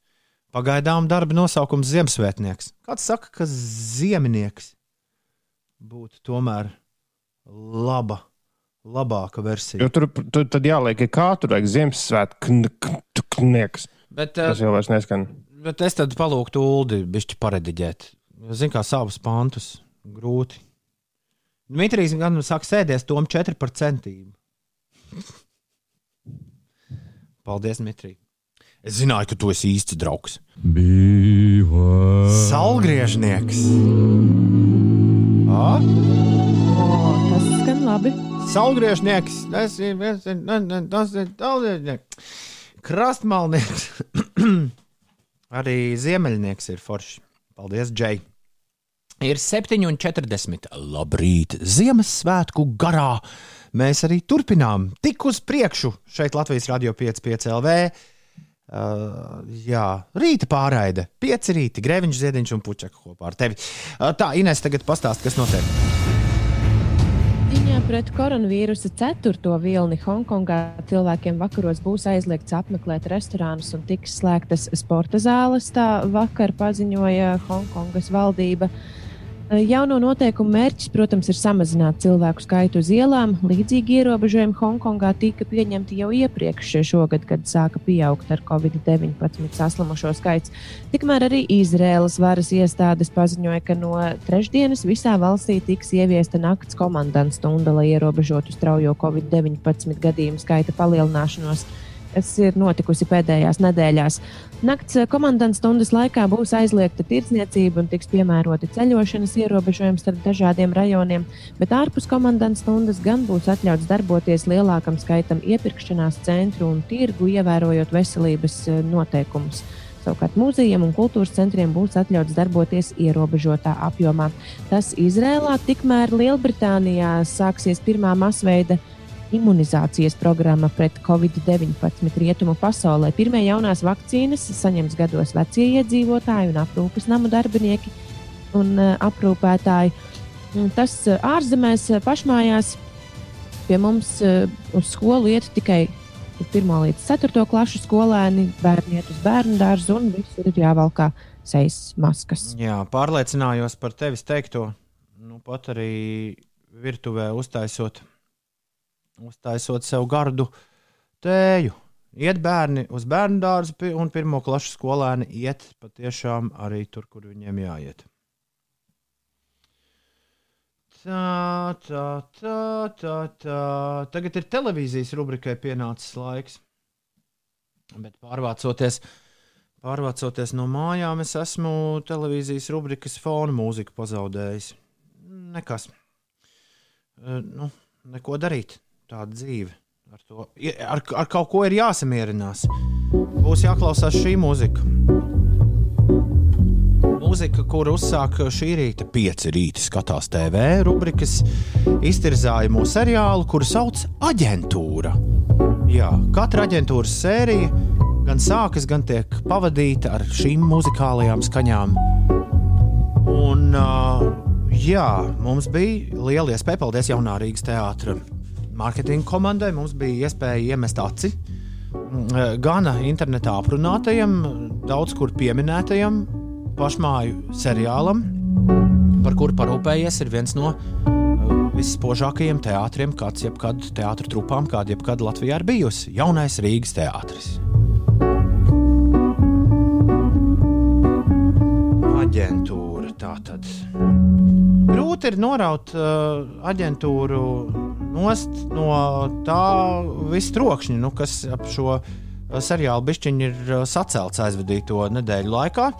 Viss sākās ar, uh, ar paziņojumu par to, ka seriālu būs iespēja skatīties vienā konkrētā vietnē, nevis kādā no esošajām platformām. Un tad šai vietnē atveroties, ļaudis uzzināja par, par cenu, par kādu būs jāskatās šis seriāls. Un uzzināja arī par, uh, par to, ka seriāls nepienāks uz visiem laikiem, bet to ir iespēja skatīties noteiktā dienu skaitā. Nu, tu samaksā naudu, un tad tev ir dots ā, noteikts dienu laiks, lai to noskatītos. Un Ulas, man liekas, vairāk ir pamonitorējis, kāda bija ļaužu reakcija uz šo. Pagad, tā tiešām bija, ka ierobežots skaits laiks. Ja? Jā, ā, ja nemaldos, tad tu drīksti, jo mums ir mūsu promo. Mums iedeva uz septiņām dienām, tad, ā, ja tu nopērci šo seriālu par 50 eiro, tad tev ir, ja nemaldos, 50 dienas laika, lai to noskatītos. Jā, jā, jā, 50 dienas. Tā kā, tā kā ir tāda lieta. Nu, un, protams, ka tas rada dažādus jautājumus dažādiem ļaudīm, bet uh, es sākot šo seriālu skatīties, aizdomājos par to, kā Islandē man pievērsa uzmanību fakts, ka grāmatas islandiešu valodā maksāja bargu naudu. Un tiešām nu, nenormāli. Ja tu gribēji nopirkt grāmatu islandiešu valodā, tur bez 30 eiro vispār nebija nekādu, nekādu variantu. Nu, un, nu, savā ziņā pasēžot pie kafijas tases un padomājot, nu, loģiski, nu, kā, nu, mazs tirgus, ma maziņš tirgus, bet nu, tur jādzīvo arī ir kaut kā. Mm, Arī tiem grāmatu izdevējiem, un, ja tu dzīvo mazā vietā, tad, nu, tad ļoti iespējams, ka kultūra ir tieši tas, kur tev ir nu, jāvelta lielākais. Bet es par pārāk ilgi jau esmu aizvadījis runājot par to, eh, par to visu, kas tur ir apkārt. Bet eh, man tā galvenā doma bija tāda, ka grūti nu, to eh, šī brīža informācijas telpā noraut no, no tā. Un katram, kurš apsēžas un sāk skatīties šo seriālu, noteikti ir kaut kādas, kaut kādas gaidas ļoti, ļoti lielas un izteiktas. Seriāls stāsta par reklāmas aģentūru, par dzīvi reklāmas aģentūrā, par to, kā tur notiek procesi. Ik viens, kurš ir spēris kāju kādā reklāmas aģentūrā, tur uzreiz redz daudzas pazīstamas lietas. Ir grūti iedomāties, kāda ir sajūta cilvēkiem, kuri nav spēruši jā, kāju reklāmas aģentūrā. Seriāls ir melnbalts, seriāls ir fars. Un uh, īsti nav jēga tur. Pēc pirmajām divām sērijām es īsti nevarētu arī tā raksturot, kas ir galvenā sižeta līnija. Jo pazudusi ir sekretāre. Jā, ir šis covid laiks, ir sapulces zumā, ir visiem algas pazeminātas par 30%, bet tas nav svarīgākais. Svarīgākie ir, uh, svarīgākie ir dažādi sketči, kurus izspēlē mums labi zināmi jaunā Rīgas teātris aktieri. Un vareni joki, kuru nav daudz, bet tad, kad tie ir, tie ir vareni. Es vakar rakstīju saviem draugiem, minēs, ka joku par Jānu Blūmu, par Sneiku un, un Šmokmenu veikalu, par to vien vērts 50 eiro maksāt. Lai... Man Lai- tas nelikās tas uh, galvenais un lielākais joks. Es biju vakar, ā, vakar ar vēdru saķēris. ā, Tāpēc, ka, nu, bet, bet redzi, tu tagad ļoti precīzi uztrāpi uz to, kas man arī liekas, jo mums, mēs esam arī kritikas rubrika. Un kas man liekas lielākā šī seriāla problēma, ka ļoti subjektīvi eh, un ļoti šauram lokam. Jo joks par Jānu Blūmu ir droši vien smieklīgs tiem, kas zina, kas ir Jānis Blūms. Ir tīpaši, ja pazīst personīgi. Un tādu cilvēku Latvijā nav daudz. Jā, no talantu fabrikas neviens neskatījās. liekas. Pēc tam šis ir bijis tik ļoti sens joks, fabrika? ka tas vairs nav. Nu, nu, cik, cik, cik ilgi tu par to smiesies? Es, uh, es, es sāku vienā brīdī saprast, jo ja scenārija autori Jānis Joņēns, Alvis Hermanis un visi jaunā Rīgas teātris aktieri, principā tas, ko viņi ir izdarījuši, ir uh, kaut kas ļoti līdzīgs rīta radio formātam. Viņi šajā seriālā ir salikuši iekšā vienkārši piezīmes par to, ko viņi redz ikdienā. Un uh, ir uh, mērķis Nu, tas mākslinieckais mērķis ir uh, šajā aģentūrā ielikt iekšā visu Latvijas sabiedrību, nu, kaut kādā veidā. Un caur šo aģentūru arī uzbūrt tādu plašāku ainu par to, kas mēs paši esam. Tas, vai tas ir izdevies vai nē, to lai runā tie, kur ir visas desmit sērijas noskatījušies. Uh, es tiku galā ar divām, un Ines laikam arī. Es uh, varbūt par vienu vairāk. Es mazliet citādāk to uztvēru, laikam, nekā tu. Nu, man nelikās, ka tur tiek ielikta pilnīgi visa valsts eh, sabiedrība, vai ka tur tiek meklēti, nezinu, atbildes uz kaut kādiem tādiem globāliem jautājumiem, vai, vai, vai tur tiešām svarīgākais ir tie joki. Man tomēr likās viss pavisam vienkārši. Ļoti tipiska reklāmas aģentūra. Es patiesībā to pandēmijas laiku diezgan maz izjūtu tajā seriālā. Man tomēr liekas, ka tā svarīgākā lieta ir tas, kā tie cilvēki sadzīvo tajā reklāmas aģentūrā, un tas milzīgais mm, notikums, tās sekretāras pazušana, kas ietekmē gan uh, aģentūras darbiniekus, gan policiju, gan, gan tās meitenes tuviniekus. Man personīgi no tām pirmajām uh, dažām sērijām radās tā vēlme uzzināt, kas tad ar to meiteni ir noticis. Vai kaut kas šausmīgs, vai kaut kas pavisam vienkārši izskaidrojams. Vienīgā lieta, kas man mazliet traucē, ir tas lēnīgums. Man liekas, ka tas sērijas varētu būt uh, nu, par 10, 15 minūtēm īsākas, bet viņas ir tādas teatrālas, tādas tiešām lēnas. Un, un man liekas, ka tas varētu nu, tāda dinamiskāk tā, tā visa padarīšana varētu notikt. Bet, nu, Man tas, ne, redzot, nē. man tas netraucēja. Aktieri spēlē feini. Uh, Mārtiņš Grauds, kurš ir atbildīgs par vizuālo visu uh, estētiku, ir izdarījis uh, lielu un brīnišķīgu darbu. Jo nemaz savādākus darbus Grauds jau nemāk, nemāk izdarīt. Un, un, un man pielieca vakar Ines īstais brīdis, kad šis seriāls varētu vislabāk noderēt. Tad, kad būs 1. janvāris, visa pasaule būs vēl vairāk apstājusies, un būs vēl vairākas dienas līdz brīdim, kad jāatgriežas darbā. Es pilnīgi mierīgi varu iedomāties vienkārši tādu saņemšanu uz dīvāna un stundām ilgi vēršanos ekrānā. Ulds bija kaut kur Twitterī lasījis, ka šo seriālu var salīdzināt ar, uh, ar, ar, ar screensaveri, kurā parādās slaveni aktieri. Tu vienkārši veries šajā screensaverī un saplūsti kopā ar, ar aģentūras ritmu un neļauj steidzīgajai pasaulē tev tikt klāt. Vai kaut kā tā. Man Bet, šķiet, eh, no visa, ko es esmu redzējis uh, Latvijā, šis ir pats labākais uh, pēdējā gada, divu griezumā, ko televīzijas žanrā ļaudis ir mēģinājuši izdarīt. Un es būšu viens no tiem, kurš aģentūra aizstāvēs. Neviens jau nemēģina kaut ko sliktu par to pateikt, vismaz mūsu trijotnē. Uh, man, Es vēl neesmu ticis pie vārda Bet Ulds nav redzējis nevienu vienu sekundi. vienīgo lietu, kas man, kas man tiešām ļoti, ļoti šajā seriālā patika. Uh, Baibas Brokas tēls. Darbiniece Sandra, ja nemaldos. Man liekas, ka tāda sieviete, kāda, kāda viņu atveido šajā aģentūrā, tāda ir katrā darba vietā. Nu, tie, kas skatīsies seriālu, tie pievērsiet uzmanību viņai. Nu, es jūtu, ka Ulds grib noslēgt šo visu. Nē, es esmu tāds pats skatītājs kā visi, visi tie, kas nav nopirkuši šo seriālu. Un es esmu ma mazliet savācis informāciju no reklāmas cilvēkiem. Vakardien ieguldīju darbiņu tā vietā, lai skatītos. Mm, skatītos. Skatītos, Seriāla aģentūra. es, es nevaru par, es atvainojos. Man, Kas tev notic? nē, man kaut kas ir skaņa.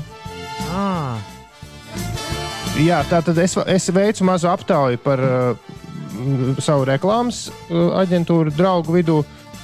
Un, uh, es esmu izlasījis veselu čūpu recenzijām, un to, ko es esmu sapratis, ka šis ir obligāti jāredz visiem, kas ir JRT fani. Šis ir jāredz visiem, kas ir, kam ir kaut kāds sakars ar reklāmas aģentūrām Latvijā. Un šis jāredz visiem, kam patīk etīžu teātris. Jo es saprotu, ka tas, tas sižets, Ines, kas tev ieinteresē, tas kļūst ar katru sēriju maz svarīgāks un beigās kaut kur izplēna. Jā, Nu, nu, nu, Tā- nē, sižets tā tur būs. galīgi nav. Nu, ser- seriāls pilnībā nav par šo sižetu. Seriāls ir par aktieru slinku ņemšanos ar smieklīgām etīdēm vai mazāk Sabojāja smieklīgām. man tagad visu. Nu Jā, bet tas ir jāzina, un to arī, nu, to arī nu, tas nav spoileris. Katrā ziņā tas nav seriāls detektīvs. Nu Jā, Jā. tik daudz es esmu noskaidrojis. Un vienīgais jautājums, vai šim seriālam būtu kaut mazākās iespējas gūt panākumus tur, kur cilvēki nezina, kas ir JRT ārzemēs. Kā tev to liekas? Bet vai tādu, vai šādus panākumus, šādu jautājumu, kāpēc tu neuzdod lielo muļķu vai, vai, vai skuteļu seriāla sakarā? Pēkšņi par šo uzdod. Šim nav nevienā brīdī, man liekas, ambīcija kļūt par starptautisku, starptautiski atzītu seriālu. Tā kā rokas nost. Labi, ā, Pečs raksta, ka viņš pēc apraksta un mūsu runātā dod nulle acis seriālam. Jā, kāds raksta, ka šī ir reklāma. Nē, bet šī ir recenzija. Dodiet mums visus latviešu seriālus, skatīties, un mēs par tiem runāsim šajā rubrikā. Tieši tā. Jo pieci rīti skatās TV. Jaunais Rīgas teātris uztaisījuši fantastisku dāvanu saviem skatītājiem, raksta kāds klausītājs. Un tā tas arī ir domāts. Nekādas ambīcijas uz kaut kādām ārzemēm. Un Renārs raksta, noskatījos vakar visu seriālu līdz galam un esmu sajūsmā. Lēni, skaisti, smieklīgi un smalki. Iesaku skatīties ģimenes lokā un diskutēt par epizodēm, jo dažas ir jāpatina atpakaļ un jānoskatās divreiz, lai iebrauktu. Tā raksta un... mūsu klausītāji. Jā, un tas haters, kurš ņemas uh, un raksta, ka man nevajadzētu runāt, un ka man balsī jūtam nepatika. Nē, tā nav nepatika. Es vienkārši pārstāvu visus tos, kas nav par šo neko dzirdējuši. Un, nu, tas nav, tā nav nepatika, tā ir kritiskā attieksme pret jebko, ko tu neesi redzējis. Nu, pirms tu zini, kas tas ir. Es esmu izlasījis visas iespējamās recenzijas, un tagad es mēģinu saprast, vai man to vajag vai nevajag. Skaidrs, ka es skatīšos kaut kādu. Jā, būs ļoti interesanti tieši domājot par uh, seriālu, nu, tieši par seriālu izplatīšanas uh, jā, veidu. Jo ar to jau mūs arī pārsteidz. Būs ļoti interesanti, kā šis turpināsies. Kas būs tālāk? DVD boxets, uh, tiesības kādai televīzijai tiks pārdotas. Nu, no tādas, es saprotu, ka tas gan droši vien interesē tikai mani un varbūt Ulu. Bet no uh, iekšē, iekšējās mēdīju pasaules viedokļa un, un, un satura izplatīšanas viedokļa šis ir ļoti interesants stāsts. Labrīt, visapkārt ir otrdiena, 8. decembris. Ar tevi kopā Latvijas Rādio 5, 5 LV. Šeit 5 rītī. Kā tev iet un ko tu dari? 293, 202, atrakst mums īsiņu 293, 202. Šeit Latvijas Rādio 5, 5 LV. Labrīt, Inesē, labrīt, Uldī. Labrīt! Man garāžas studijā siltāks nepaliek. Uldis Man arī nē. Uldis tik sēž savā vasaras krekliņā un bēdu nepazīst. Toties aiz loga gaišāks paliek. Jā, un, mē, un mēs izskatīsimies jaunāk, jo mums āda būs labāk saglabājusies. Nu, Cerams. Cerams, Kā tu Ines vienmēr saki? Gaļa ilgāk saglabājusi svaiga augstumā. Man pagājušajā nedēļā bija ļoti daudz televīzijas darbu, un līdz ar to arī ļoti daudz grīma uz sejas. Un es šorīt pamodos, un man pat liekas, ka jūs video čatā varat redzēt, man viss deguns nosities ar, ar kaut kādiem ziemas priekiem. Nē, nevar manīt. Tad labi. Man Tad labi. Tad arī jācer, ka arī garām ejoši cilvēki netīšām, ja, ja piemēram, kaut kur vispār iziešu ārā. neskaties pa logu. Vai arī izvairies no logi.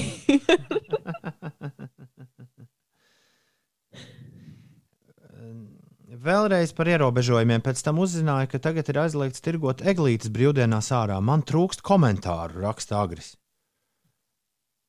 Patiešām tā ir? Kaut gan kaut kāda loģika agri tajā ir. Es redzēju, es redzēju pie lielveikala eglītes kaut kad, kad tas bija piekdienas vai sestdienas savēda. Man nezinu, kāpēc likās, ka svētdien vakarā tur notika tirzniecība uz urā, bet atrakstiet kāds, kurš zina. Šis neizklausās pārāk uzticama informācija. Neatņemama Ziemassvētku sastāvdaļa ir ķekatu gājieni. Maskoti cilvēki dodas viens pie otra viesos. Raksta Tas ir ieteikums, man liekas, uh, Ziemassvētku pasakai. Uh, ā. Bet, uh, Labinieks, tas, ķekatnieks. bet tas pavisam noteikti nav ieteikums 2020. gadam. Nu jā, tas gan. Saģērbsies te, aizies ciemos, un tad visi pēc tam sēdēs izolācijā. Jā, beigās nevis ķekatnieks būs atnācis ciemos, bet covidnieks. Šitas, šis nav 2020. gadam. Diemžēl, paldies, Dīdzi, par piedalīšanos, bet jāsacina, ir kā jāsacina. Ok. Tā, tā, tā, tā, tā, tā, tā, tā, tā. Tā, tā, tā, tā, tā, tā, tā, tā, tā, tā, tā. Labrīt, visapkārt! Esam mēs visi satikušies 8. datumā. Jā. 8. decembris Gunārs Gunis un Vladimirs svin vārdu svētkus. Daudz laimes dzimšanas dienā Sindijai Vildei, daudz laimes dzimšanas dienā Meldrai Gužai, daudz laimes dzimšanas dienā Nikijai Mināžai, Kimai Beisingerai un Šainadai Okonorai. Daudz laimes arī tev, Uldi, un daudz laimes tev, Ines. Un daudz laimes visiem, kas mūs klausās, lai visiem šodien laimē! Dai, dai, dai, dai. Dai, dai, dai. Jā, dažreiz jubilāri tik daudz, ka visus nenosveiks, dažreiz tikai tāda maza saujiņa, kā tas ir pagadījies šajā rītā. Bija kaut kur sastrēgums, bet es to veiksmīgi palaidu garām. Šobrīd lielos tirdziņos nevar eglis tirgot, bet ārā tirdzniecībā eglītes var tirgot darba dienās, svētku brīvdienās pagaidām nē. Vakar pa televīziju to rādīja, raksta zaļā vārna. Un māja raksta, eglītes brīvdienās tirgot nedrīkst tikai un vienīgi degvielas uzpildes stacijās.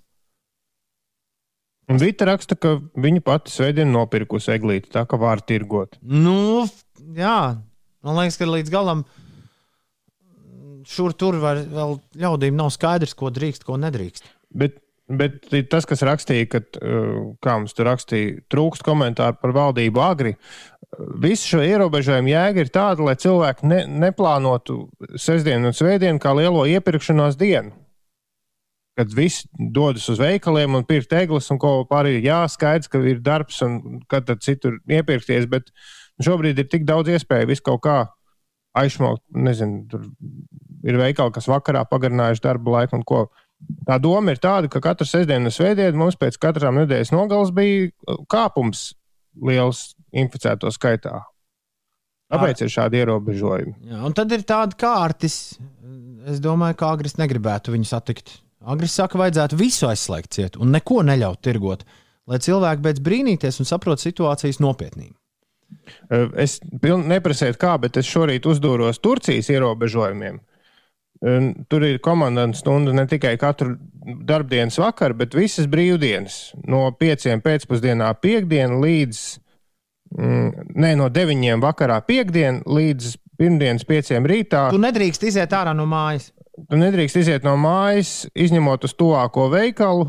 Un tad tur ir visādi, nu, ja tev tur kaut kāda nu, ārkārtējā situā ārkārtas situācija vai kaut kas tāds. Ja tev ir jādodas pie ārsta ar pierakstu vai kaut ko tādu, bet tā vienkārši iet ārā, tu nedrīksti.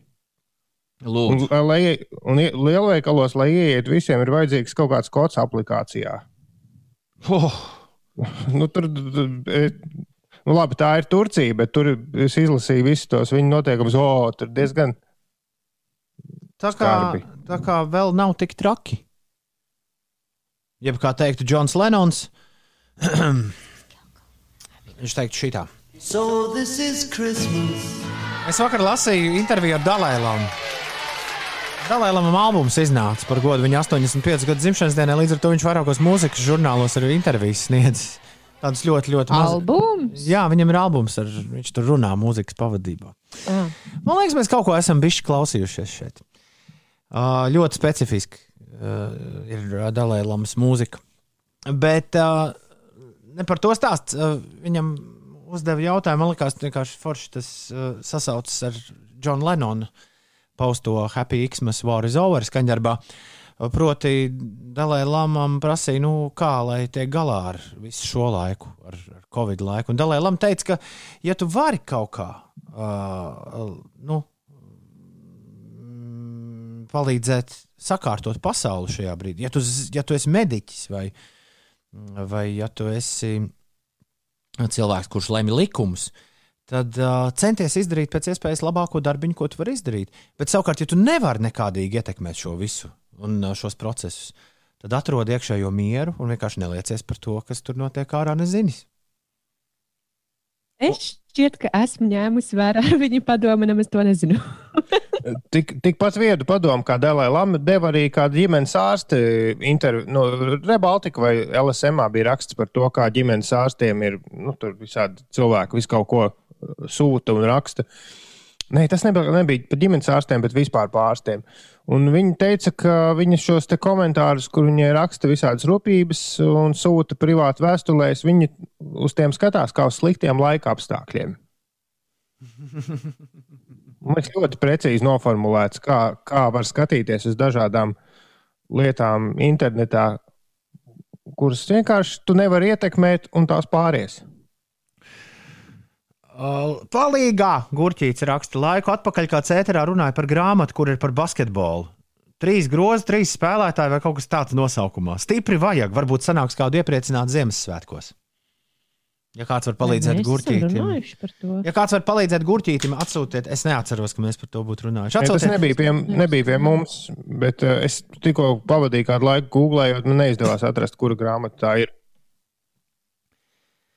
Sveiki, Latvijā. Atrakstiet. Latvijā ierobežojumi tiešām ir ļoti viegli. Novērtēsim to un pirkums plānosim darba dienās, raksta Māris. Baudīt brīvdienas savā ģimenē taču ir tik forši.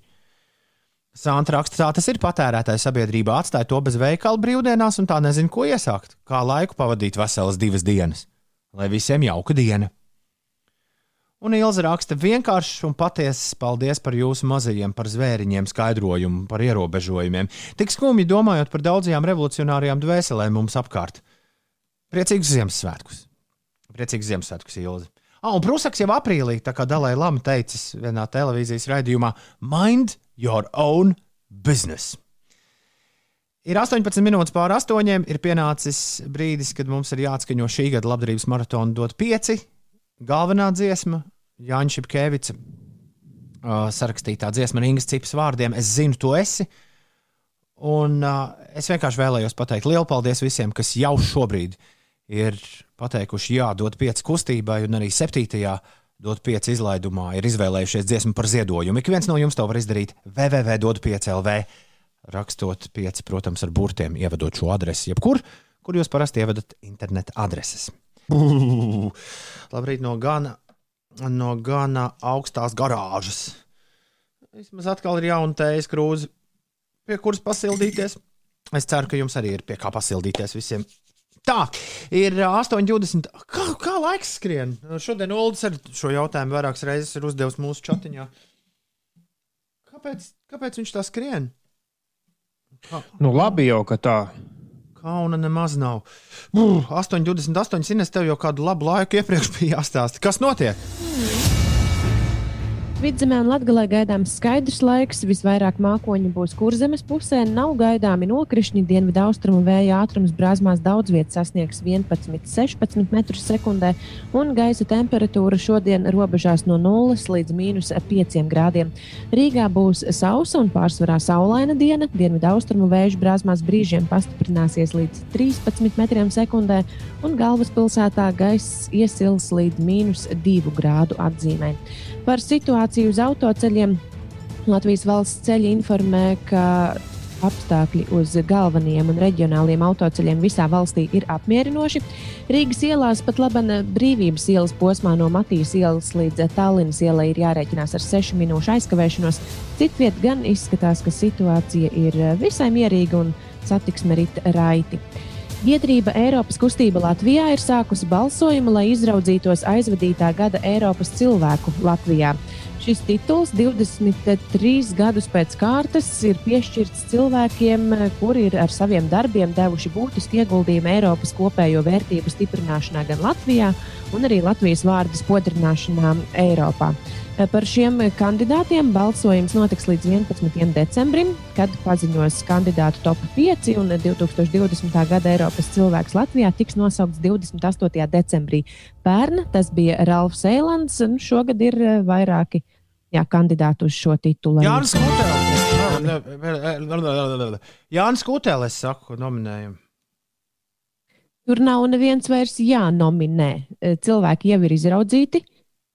Uh, Top Bet- 10 jau ir izraudzīti, bet uh, no šiem te desmit cilvēkiem tad ir iespēja izvēlēties vienu. Rāfs Elands, Jānis Kutels šogad, nākamgad, nākamgad Kaspar Breidaku, Bardela varbūt. Kārl, Kārl, ne, viņš pasaules cilvēks, tu nelamājies. Varbūt meklētā, pirms mirkļa mums te klausītājs meklēja basketbola grāmatu. Varbūt meklētā ir Nikolai Mazura grāmata, pašizaugsmes basketbola dienas grāmata. Līva piedāvā šādu versiju. Man tāda utopiska ideja, dezertieris izdomājis. Bet iedomājieties, visa pasaule aiziet uz divām nedēļām karantīnā un viss. Tas ir tik elementāri, lai atgrieztos visi savās sliedēs. Kāpēc Ulu tas tā nedarbotos? Nu, apmēram jau tas tā darbojas tajās valstīs, kuras tā izdara. Bet visa pasaule. Nu, Visi vienojas par liekas, pirmajām divām janvāra nedēļām. Tas tik būtu varētu. Ir liela sadursme starp, eh, starp to cilvēku veselību un to aiziet divām nedēļām karantīnā, un starp to, lai nebeigtu griezties ekonomika. Bet šis ir lielisks, šis ir lielisks piemērs tam, uh, tiem, kas, uh, nu, kas stāsta, ka šis viss ir izplānots un izdomāts, un ka tur ir Bills Gates ar Sorosu un, un Rothschildiem ir izplānojis, kā tur vakcinēt. Un, nu, tur tās teorijas visi var atrast, kas, kas vēlas. Ir tik sarežģīti vienoties. Nu, pat mūsu darba sapulcē par kaut kādiem teiksim, sīkumiem, nu, kurš mazgās kafijas krūzes vai kaut ko tādu. Un tad iedomājieties, kā, kāda vienošanās ir vajadzīga, lai visas pasaules ārsti, visas pasaules valdības tā sanāk kopā un izdomā, tagad būs tā. Ja Eiropa ar Angliju nevar par zivju zveju vienoties par kaut kādām tur ziemeļjūrā vai Es esmu, pievienots, es esmu pievienots chatiņā, kurā mēģina 16 vecāki izdomāt, ko skolotājai dāvināt Ziemassvētkos. klasika. Un tad jūs gribat, lai visas pasaules ārsti izdomā, Jā. Inēta tikmēr radio starpniecība vēlas izdarīt ziedojumu, dāvināt kādam bērnam vai jaunietim, kurš ļoti vēlas mācīties mūziku, bet nav pieejams instruments, alta saksofonu. Ja kādam ir nepieciešams alta saksofons, mēs jūs savedīsim ar Inetu kopā. Inna, varbūt es varu iedot tavu numuru kādiem saksofonu skolotājiem, kas varētu zināt labāk kaut ko, kam varētu noderēt. Mūsu orķestrī ir vairāk ļaudis, kas brauc pa visu Latviju mācīt, un gan jau, ka zina kādu, kuram noderētu. Un Emīls nevar saprast, kas man tā pa garāžu bez plīta, no kuras es raidu. Nē, te ir elektriskā krāsnes, bet es nezinu, vai ar to es varētu kaut ko, kaut ko sasildīt. To jau vajadzētu vienkārši elektrisko teikanu. Viens Un elektrisks. visu laiku kurināt, ja? Nu, Nē, tad, kad vajadzētu tēju uzsildīt. À, Es, ļoti labi, ka šis viss beigsies pēc nedēļas. Nākamā otrdiena mums būs pēdējais garāžas rīts. Un tad, tad aiziet dot pieci virzienā. Bet ja šeit būtu trešdien. ja šeit būtu ah, pareizi, jā. Pēc nedēļas un vienas dienas būs pēdējais. Ja šeit būtu jābūt ilgāk, es noteikti dotos kādā darba dienā uz attiecīgo veikalu un nopirkt elektrisko sildītāju. Jo tas man liekas, visas manas bēdas atrisināt. Te ir uh, klona grīda. Un tas arī jums visiem skaidrojums. Par to, kāpēc man ir vēsi. Dāvana chatiņš, ko dāvāt zemīšos audzinātājiem, ir labs piemērs tam. Tas ir izaicinājums ner nerviņiem.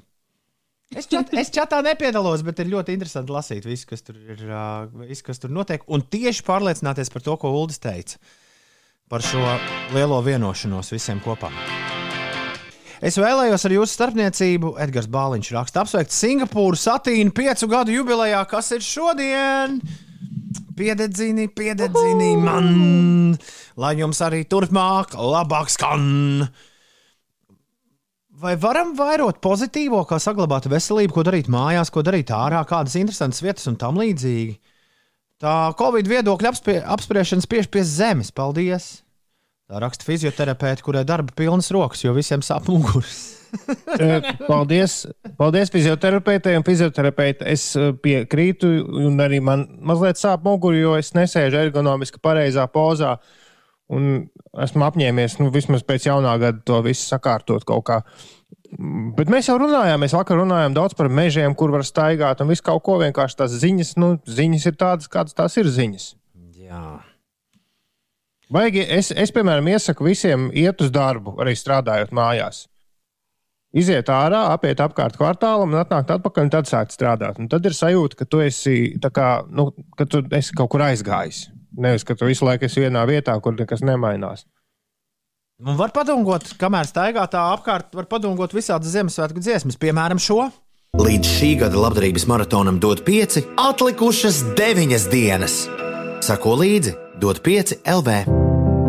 Vardarbība ģimenē ir kā aburtais lokus, no kura bez citu palīdzības ir grūti tikt ārā.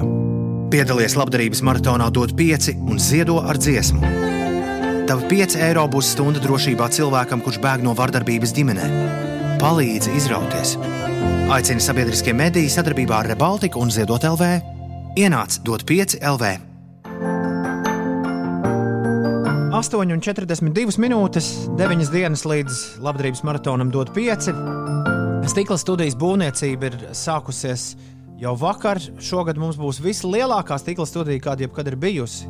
Tas galvenokārt drošības apsvērumu dēļ, lai gan viesu zonā vairāk kvadrātmetru, nu, kā tas mūsdienās noteikts, gan arī, gan arī lai dīdžiem būtu iespēja būt uh, savā pusē. Uh, jā, nu tādā daudz maz uh, kaut kādā kvadratūrā.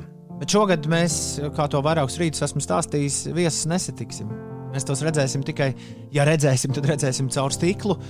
Arī stikla studijai pa vidu slēsies stikla siena. Vienā pusē mēs, kur dzīvos stikla studijā sešas diennakts no vietas, otrā pusē tie, kas nāks pie mums ciemos. Daudz jau arī nenāks ciemos, daudz būs uh, pieslēgušies gluži tāpat kā Ines un Ulas. Piemēram, šorīt manai studijai ir pieslēgušies caur, caur uh, modernajām tehnoloģijām. Daudz vienkārši sūtīs labas domas, bet visi kopā mēs izdarīsim, izdarīsim vienu lielu darbu. Un tos lielos labos darbus pirms Ziemassvētkiem mēs esam ļoti labi samācījušies darīt. Šogad aiziet vēlreiz. Uh, ik viens no jums jau šobrīd ir aicināts doties uz dot 5 mājaslapu, 5 rakstot ar burtiem un uh, izvēlēties dziesmu par minimālo ziedojumu 5 eiro. Un 5 eiro šogad nozīmē stundu drošībā kādam cilvēkam, kurš bēg no vardarbības ģimenē. Jo Katra trešā sieviete Latvijā ir cietusi no vardarbības. Esam nolēmuši kopā ar Ziedot LV maratona laikā saziedotos līdzekļus novirzīt ātrās reaģēšanas, jeb krīzes fondam, kas sniegs finansiālu atbalstu galvenokārt sievietēm un bērniem, bet uh, praktiski jebkuram cilvēkam, kas grib izrauties no aburtā loka, aiziet no vardarbīgām attiecībām, bet nespēja to izdarīt atbalsta trūkuma dēļ. Nu, lūk, www. dod 5 LV, 5 ar burtiem, tur viss uh, glīti aprakstīts un sarakstīts. Un, jā, katru dienu nu, kāda jauna ziņa par to, kas un kā notiks Latvijas maratonā, dod pieci. Vakar izlemts, ka Latvijas maratonā dod pieci krājkasīti darbosies tā kā vienmēr. Ik viens ir gaidīts ar savām visu gadu krātajām monētām. Pārvietošanās pa ielu nav aizliegta Latvijā. Nāciet ciemos, tikai atceramies, ievērojam pilnīgi visus drošības noteikumus, kādi ir, kāda ir Latvijā, un arī stikla studijas pakājē. Viss būs organizēts tā, lai nevienā mirklī jums nebūtu jāsatiek citi cilvēki, neievērojot divu metru atstatumu. Cik nu vien tas būs iespējams, pie stikla studijas lūksim neuzkavēties.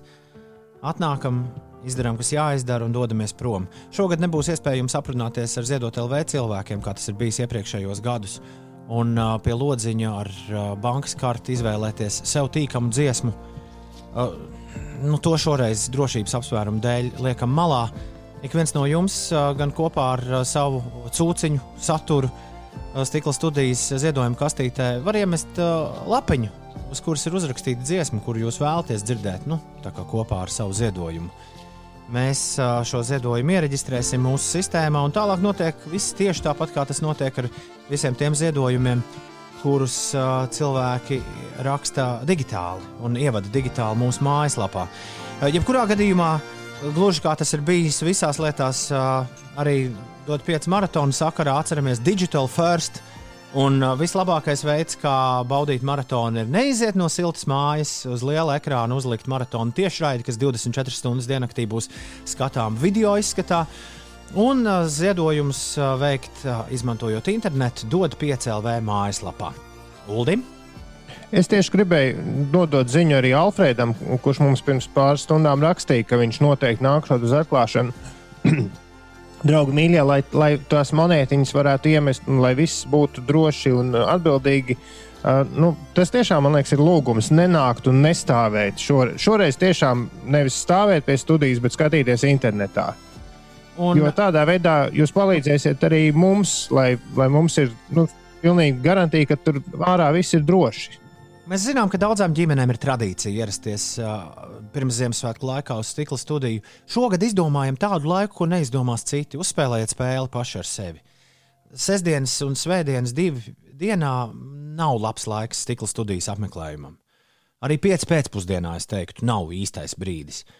Pirmdiena ap 11. no rīta iespējams. Divos naktī tur vispār neviena nav. Jā, ar visu ģimeni iedomājieties, naktas vidū. Pēc eglītes un, un, un, un tā tālāk. Ik reizi, Starp citu, jā, jā, Zinot, no- kā, kā tur ir naktīs, man liekas, ka naktīs ģimenes, kas nāk iebērt naudu, naktīs pamatīgi atspirdzinās naktis, it īpaši kādiem trījiem, četriem no rīta. Tā, jā. Klau, man ir īpaši pastkarte no labdarības maratona dot 5. Šajā laikā parasti vienmēr, tad, kad mēs gaidām dot 5 un klausāmies dažādas muzikālas priekšnesumus, kas izskanējuši dot 5 stikla studijā pa visiem šiem gadiem, kopš 2014. gada, kad mēs organizējam šo brīnišķīgo Ziemassvētku pirms labdarības nedēļu. Uh, jā, mēs vienmēr, man liekas, katru gadu uzspēlējam to brīdi, kad kāda ļoti īpaša dziesma daudziem, daudziem, daudziem cilvēkiem piedzīvoja pasaules pirmizrādi dzīvajā izpildījumā, stikla studijā. Starp citu, bija tieši naktas vidus. Man liekas, bija ap pulksten diviem naktī. Uh, tieši laiks. Un uh, mums nebija nejausmas, kas tas ir, ko viņš tur spēlē. Tikai vēlāk mēs savilkām to bildi kopā. Ierakstīts dzīvajā stikla studijā 2015. gada maratonā dod 5 naktī dzīvajā. Šis ir Inters Busulis. Dziesmu jūs ļoti labi zināt.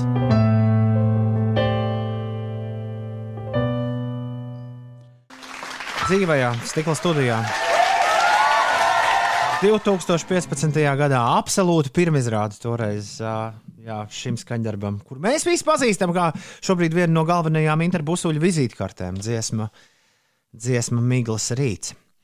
Zīmējums stikla studijā drīkstēs pieņemt šādu jautājumu, man meita uzdeva, jo tā jau kļuvusi par ģimenes tradīciju. Jūlda pieraksti, mums ir, mēs tiksim galā ar loģistiku, loģistiku šim, bet, protams, ka mēs pieņemsim bērnu zīmējumus kā vienmēr. Vetārs Kristap. Un uh, mūsu, starp citu, viens no atbalstītājiem, Bonāvi, ir arī uztaisījuši speciālu, mm, uh, speciālu konkursu. Internetā pameklēt uh, sakarā ar bērnu zīmējumiem. Gan tā, gan tā. Zīmējums stikla studijā vienmēr ir jā, ļoti, ļoti gaidīta lieta. Vai ne? Jā, tieši tā un ne savādāk. Tā, un tagad vēl mums ir palikušas interesantas ziņas. Uh, Ja nemaldos, bija tāda lieta.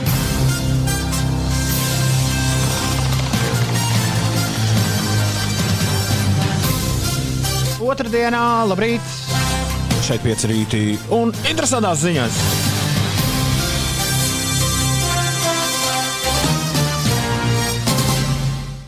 Tā, nu. Kas te ir interesants? Kas te es te, es te, kas te? Ziemassvētki nāk ne tikai ar dāvanām un svecītēm. Un garām zūmu sarunām pie zirņspeķiem noklāta galda, bet ar kādu notikumu, kas patīkami satrauc visus, kas kaut nedaudz interesējas par to, kas notiek tur augšā debesīs. Nē, šoreiz stāsts nav par reliģiju. Tieši ziemas saulgriežos debesīs satiksies divi spīdekļi, kas jau kopš oktobra dodas viens otra virzienā. Tie ir Jupiters un Saturns, divas Saules sistēmas planētas, kas skatoties no Zemes, izskatās kā ļoti spožas zvaigznes, un 21. decembrī tās sabučosies. Vismaz skatoties no Zemes, tā izskatīsies. Abus debesu ķermeņus patiesībā šķirs 650 miljonu kilometru. Lai arī šī satuvināšanās notiek katrs 20 gadus, šī ir pirmā reize kopš 1623. gada, kad planētas būs tik tuvu kopā, ka izskatīsies, ka tās dara kaut ko, par ko mēs te skaļi runājam nu, tikai tad, kad pulkstenis ir 6 no rīta. Un tā kā 1623. gadā šī parādība no Zemes nebija redzama, jo traucēja saule, tad šī ir pirmā reize kopš 1226. gada, kad kaut ko tādu varēsim debesīs vērot. Nākamā reize būs 2080. gadā. Tad nu izrēķiniet paši, vai šo izdevību laist garām vai nē. Vēlreiz, cikos jābūt ir 21. decembrī pie teleskopa. Tas tur nav īsti. Man liekas, ka tas ir katru vakaru, visu nakti. Jāpaskatās, kurā pusē ir Saturns un Jupiters. Bet, bet tas nav tāds īsts vienu brīdi process. Vienkārši šīs planētas ir sastājušās nu, rindiņā. Viņas šķir milzu attālumus, bet tās no, mums, no mūsu skatu punkta izskatās, ka ir kopā. Uzliec atgādinājumu, lai mēs šo atceramies. Interesanti jaunumi no ASV telekomunikāciju uzrauga, kas jau 2013. gadā izziņoja, ka tiek apsvērta doma atcelt aizliegumu lietot lidmašīnās mobilos telefonus, precīzāk runāt tajos, kad lidmašīna pacēlusies virs 3000 metriem, jo tehnika ir attīstījusies tik tālu, ka mobilā telefona saruna vairs nevar traucēt lidmašīnai. Tolēk šī tēma izraisīja nemazumu diskusiju, un idejai bija daudz pretinieki. Nu, tik daudz, ka telekomunikāciju uzraugs tikai tagad, septiņus gadus vēlāk, paziņoja, ka beidzot ir pieņemts lēmums. Nē, lidmašīnās nevarēs skaļi sarunāties pa telefonu arī virs 3000 metriem, un arī tad, ja šī telefona saruna nekādīgi nevar traucēt lidmašīnas apatūrai. Lēmums skaidrots ar to, ka daudz no avio industrijā iesaistītajiem pilotu stūrti ir kategoriski pret šādu lēmumu, kā arī runājoši pasažieri padarīšot lidojumus mazāk baudāmus. Un galu galā, kā skaidro kāds avio sakaru eksperts, nevienmēr to, ko var darīt, to arī vajag darīt. Nu, uh, bet uh, es nesaprotu, ņemot vērā, ka it īpaši Amerikas Savienotajās valstīs visās lidmašīnās ir internets augšā, tā runā WhatsApp, Skype, Zoomā FaceTime, cik uziet. Bet kāpēc citiem jāklausās tajā? E, īsti man nu, vairs neliek. Mobīlie sakari un uztraukums par to man nešķiet aktuālākā ziņa. Nē, stāsts ir par to, ka šī runāšana ir aizliegta par spīti tam, ka tehniski tas ir iespējams. Nē, nu tas jā, skaidrs. Jā. Līdz ar to es pieļauju, ka arī Vācijā tur runāt nedrīkst skaļi. Nu, tā vismaz no šī lēmuma var noprast. Jā. Nu tā, viss. Tik tālu viss ar interesantajām ziņām. Vairāk mums nav. Man bija viena īsa par, par, par eglīti, par vienu virālu TikTok video, kas ir. TikTokā vispār pilns ar visādiem tā saucamiem lifehackiem, jeb derīgiem padomiem. Un kāds ir atklājis, un šis video ir gūs neticamu popularitāti, kā pareizi uzlikt eglītē lampiņas. Ka to virteni pareizāk esot likt nevis horizontāli, bet vertikāli no augšas uz leju. Un tā zigzagā no augšas uz leju, tad atkal uz augšu, tad atkal leju. Un ka tādā veidā ar mazāk lampiņām varot apspīdināt vairāk eglītes, un tas ir arī daudz vieglāk uzliekams un noņemams pasākums. Nu, Varbūt kādam noder. Nu, re. Ļoti labi. Beidzot, arī kāds praktisks padoms cauri visam rītam arī tādu esam sagaidījuši. Treneris Pēters prasa, es gribu zināt, kā var pieteikties uz izsoles lietām, dot 5 maratonu laikā. Redz, treneris nopelnījis Pēters trenējot visus attālināti lielu naudas žūksni, grib patērēties, eh, kaut ko iedzīgu nopirkt. Ļoti laba doma, Pēter. Mēs par izsoli tev visu pastāstīsim jau tuvāko dienu laikā. Arī šogad labdarības maratonā dod pieci labdarības izsoli. Būs, un jums būs iespēja tikt pie visādām labām mantām un dažiem arī piedzīvojumiem kopā ar slaveniem cilvēkiem, un tās mantas arī daudzas no slaveniem cilvēkiem. Tā kā Pēter turpina sekot līdzi, un visai drīz tu visu, kas tev ir uz sirds, Jā, nē, visu informāciju, tā jau nav sirds. Visu informāciju visai drīz tu uzzinās. To es tev apsolu. Uh, gan. Un to gan es solu no visas sirds.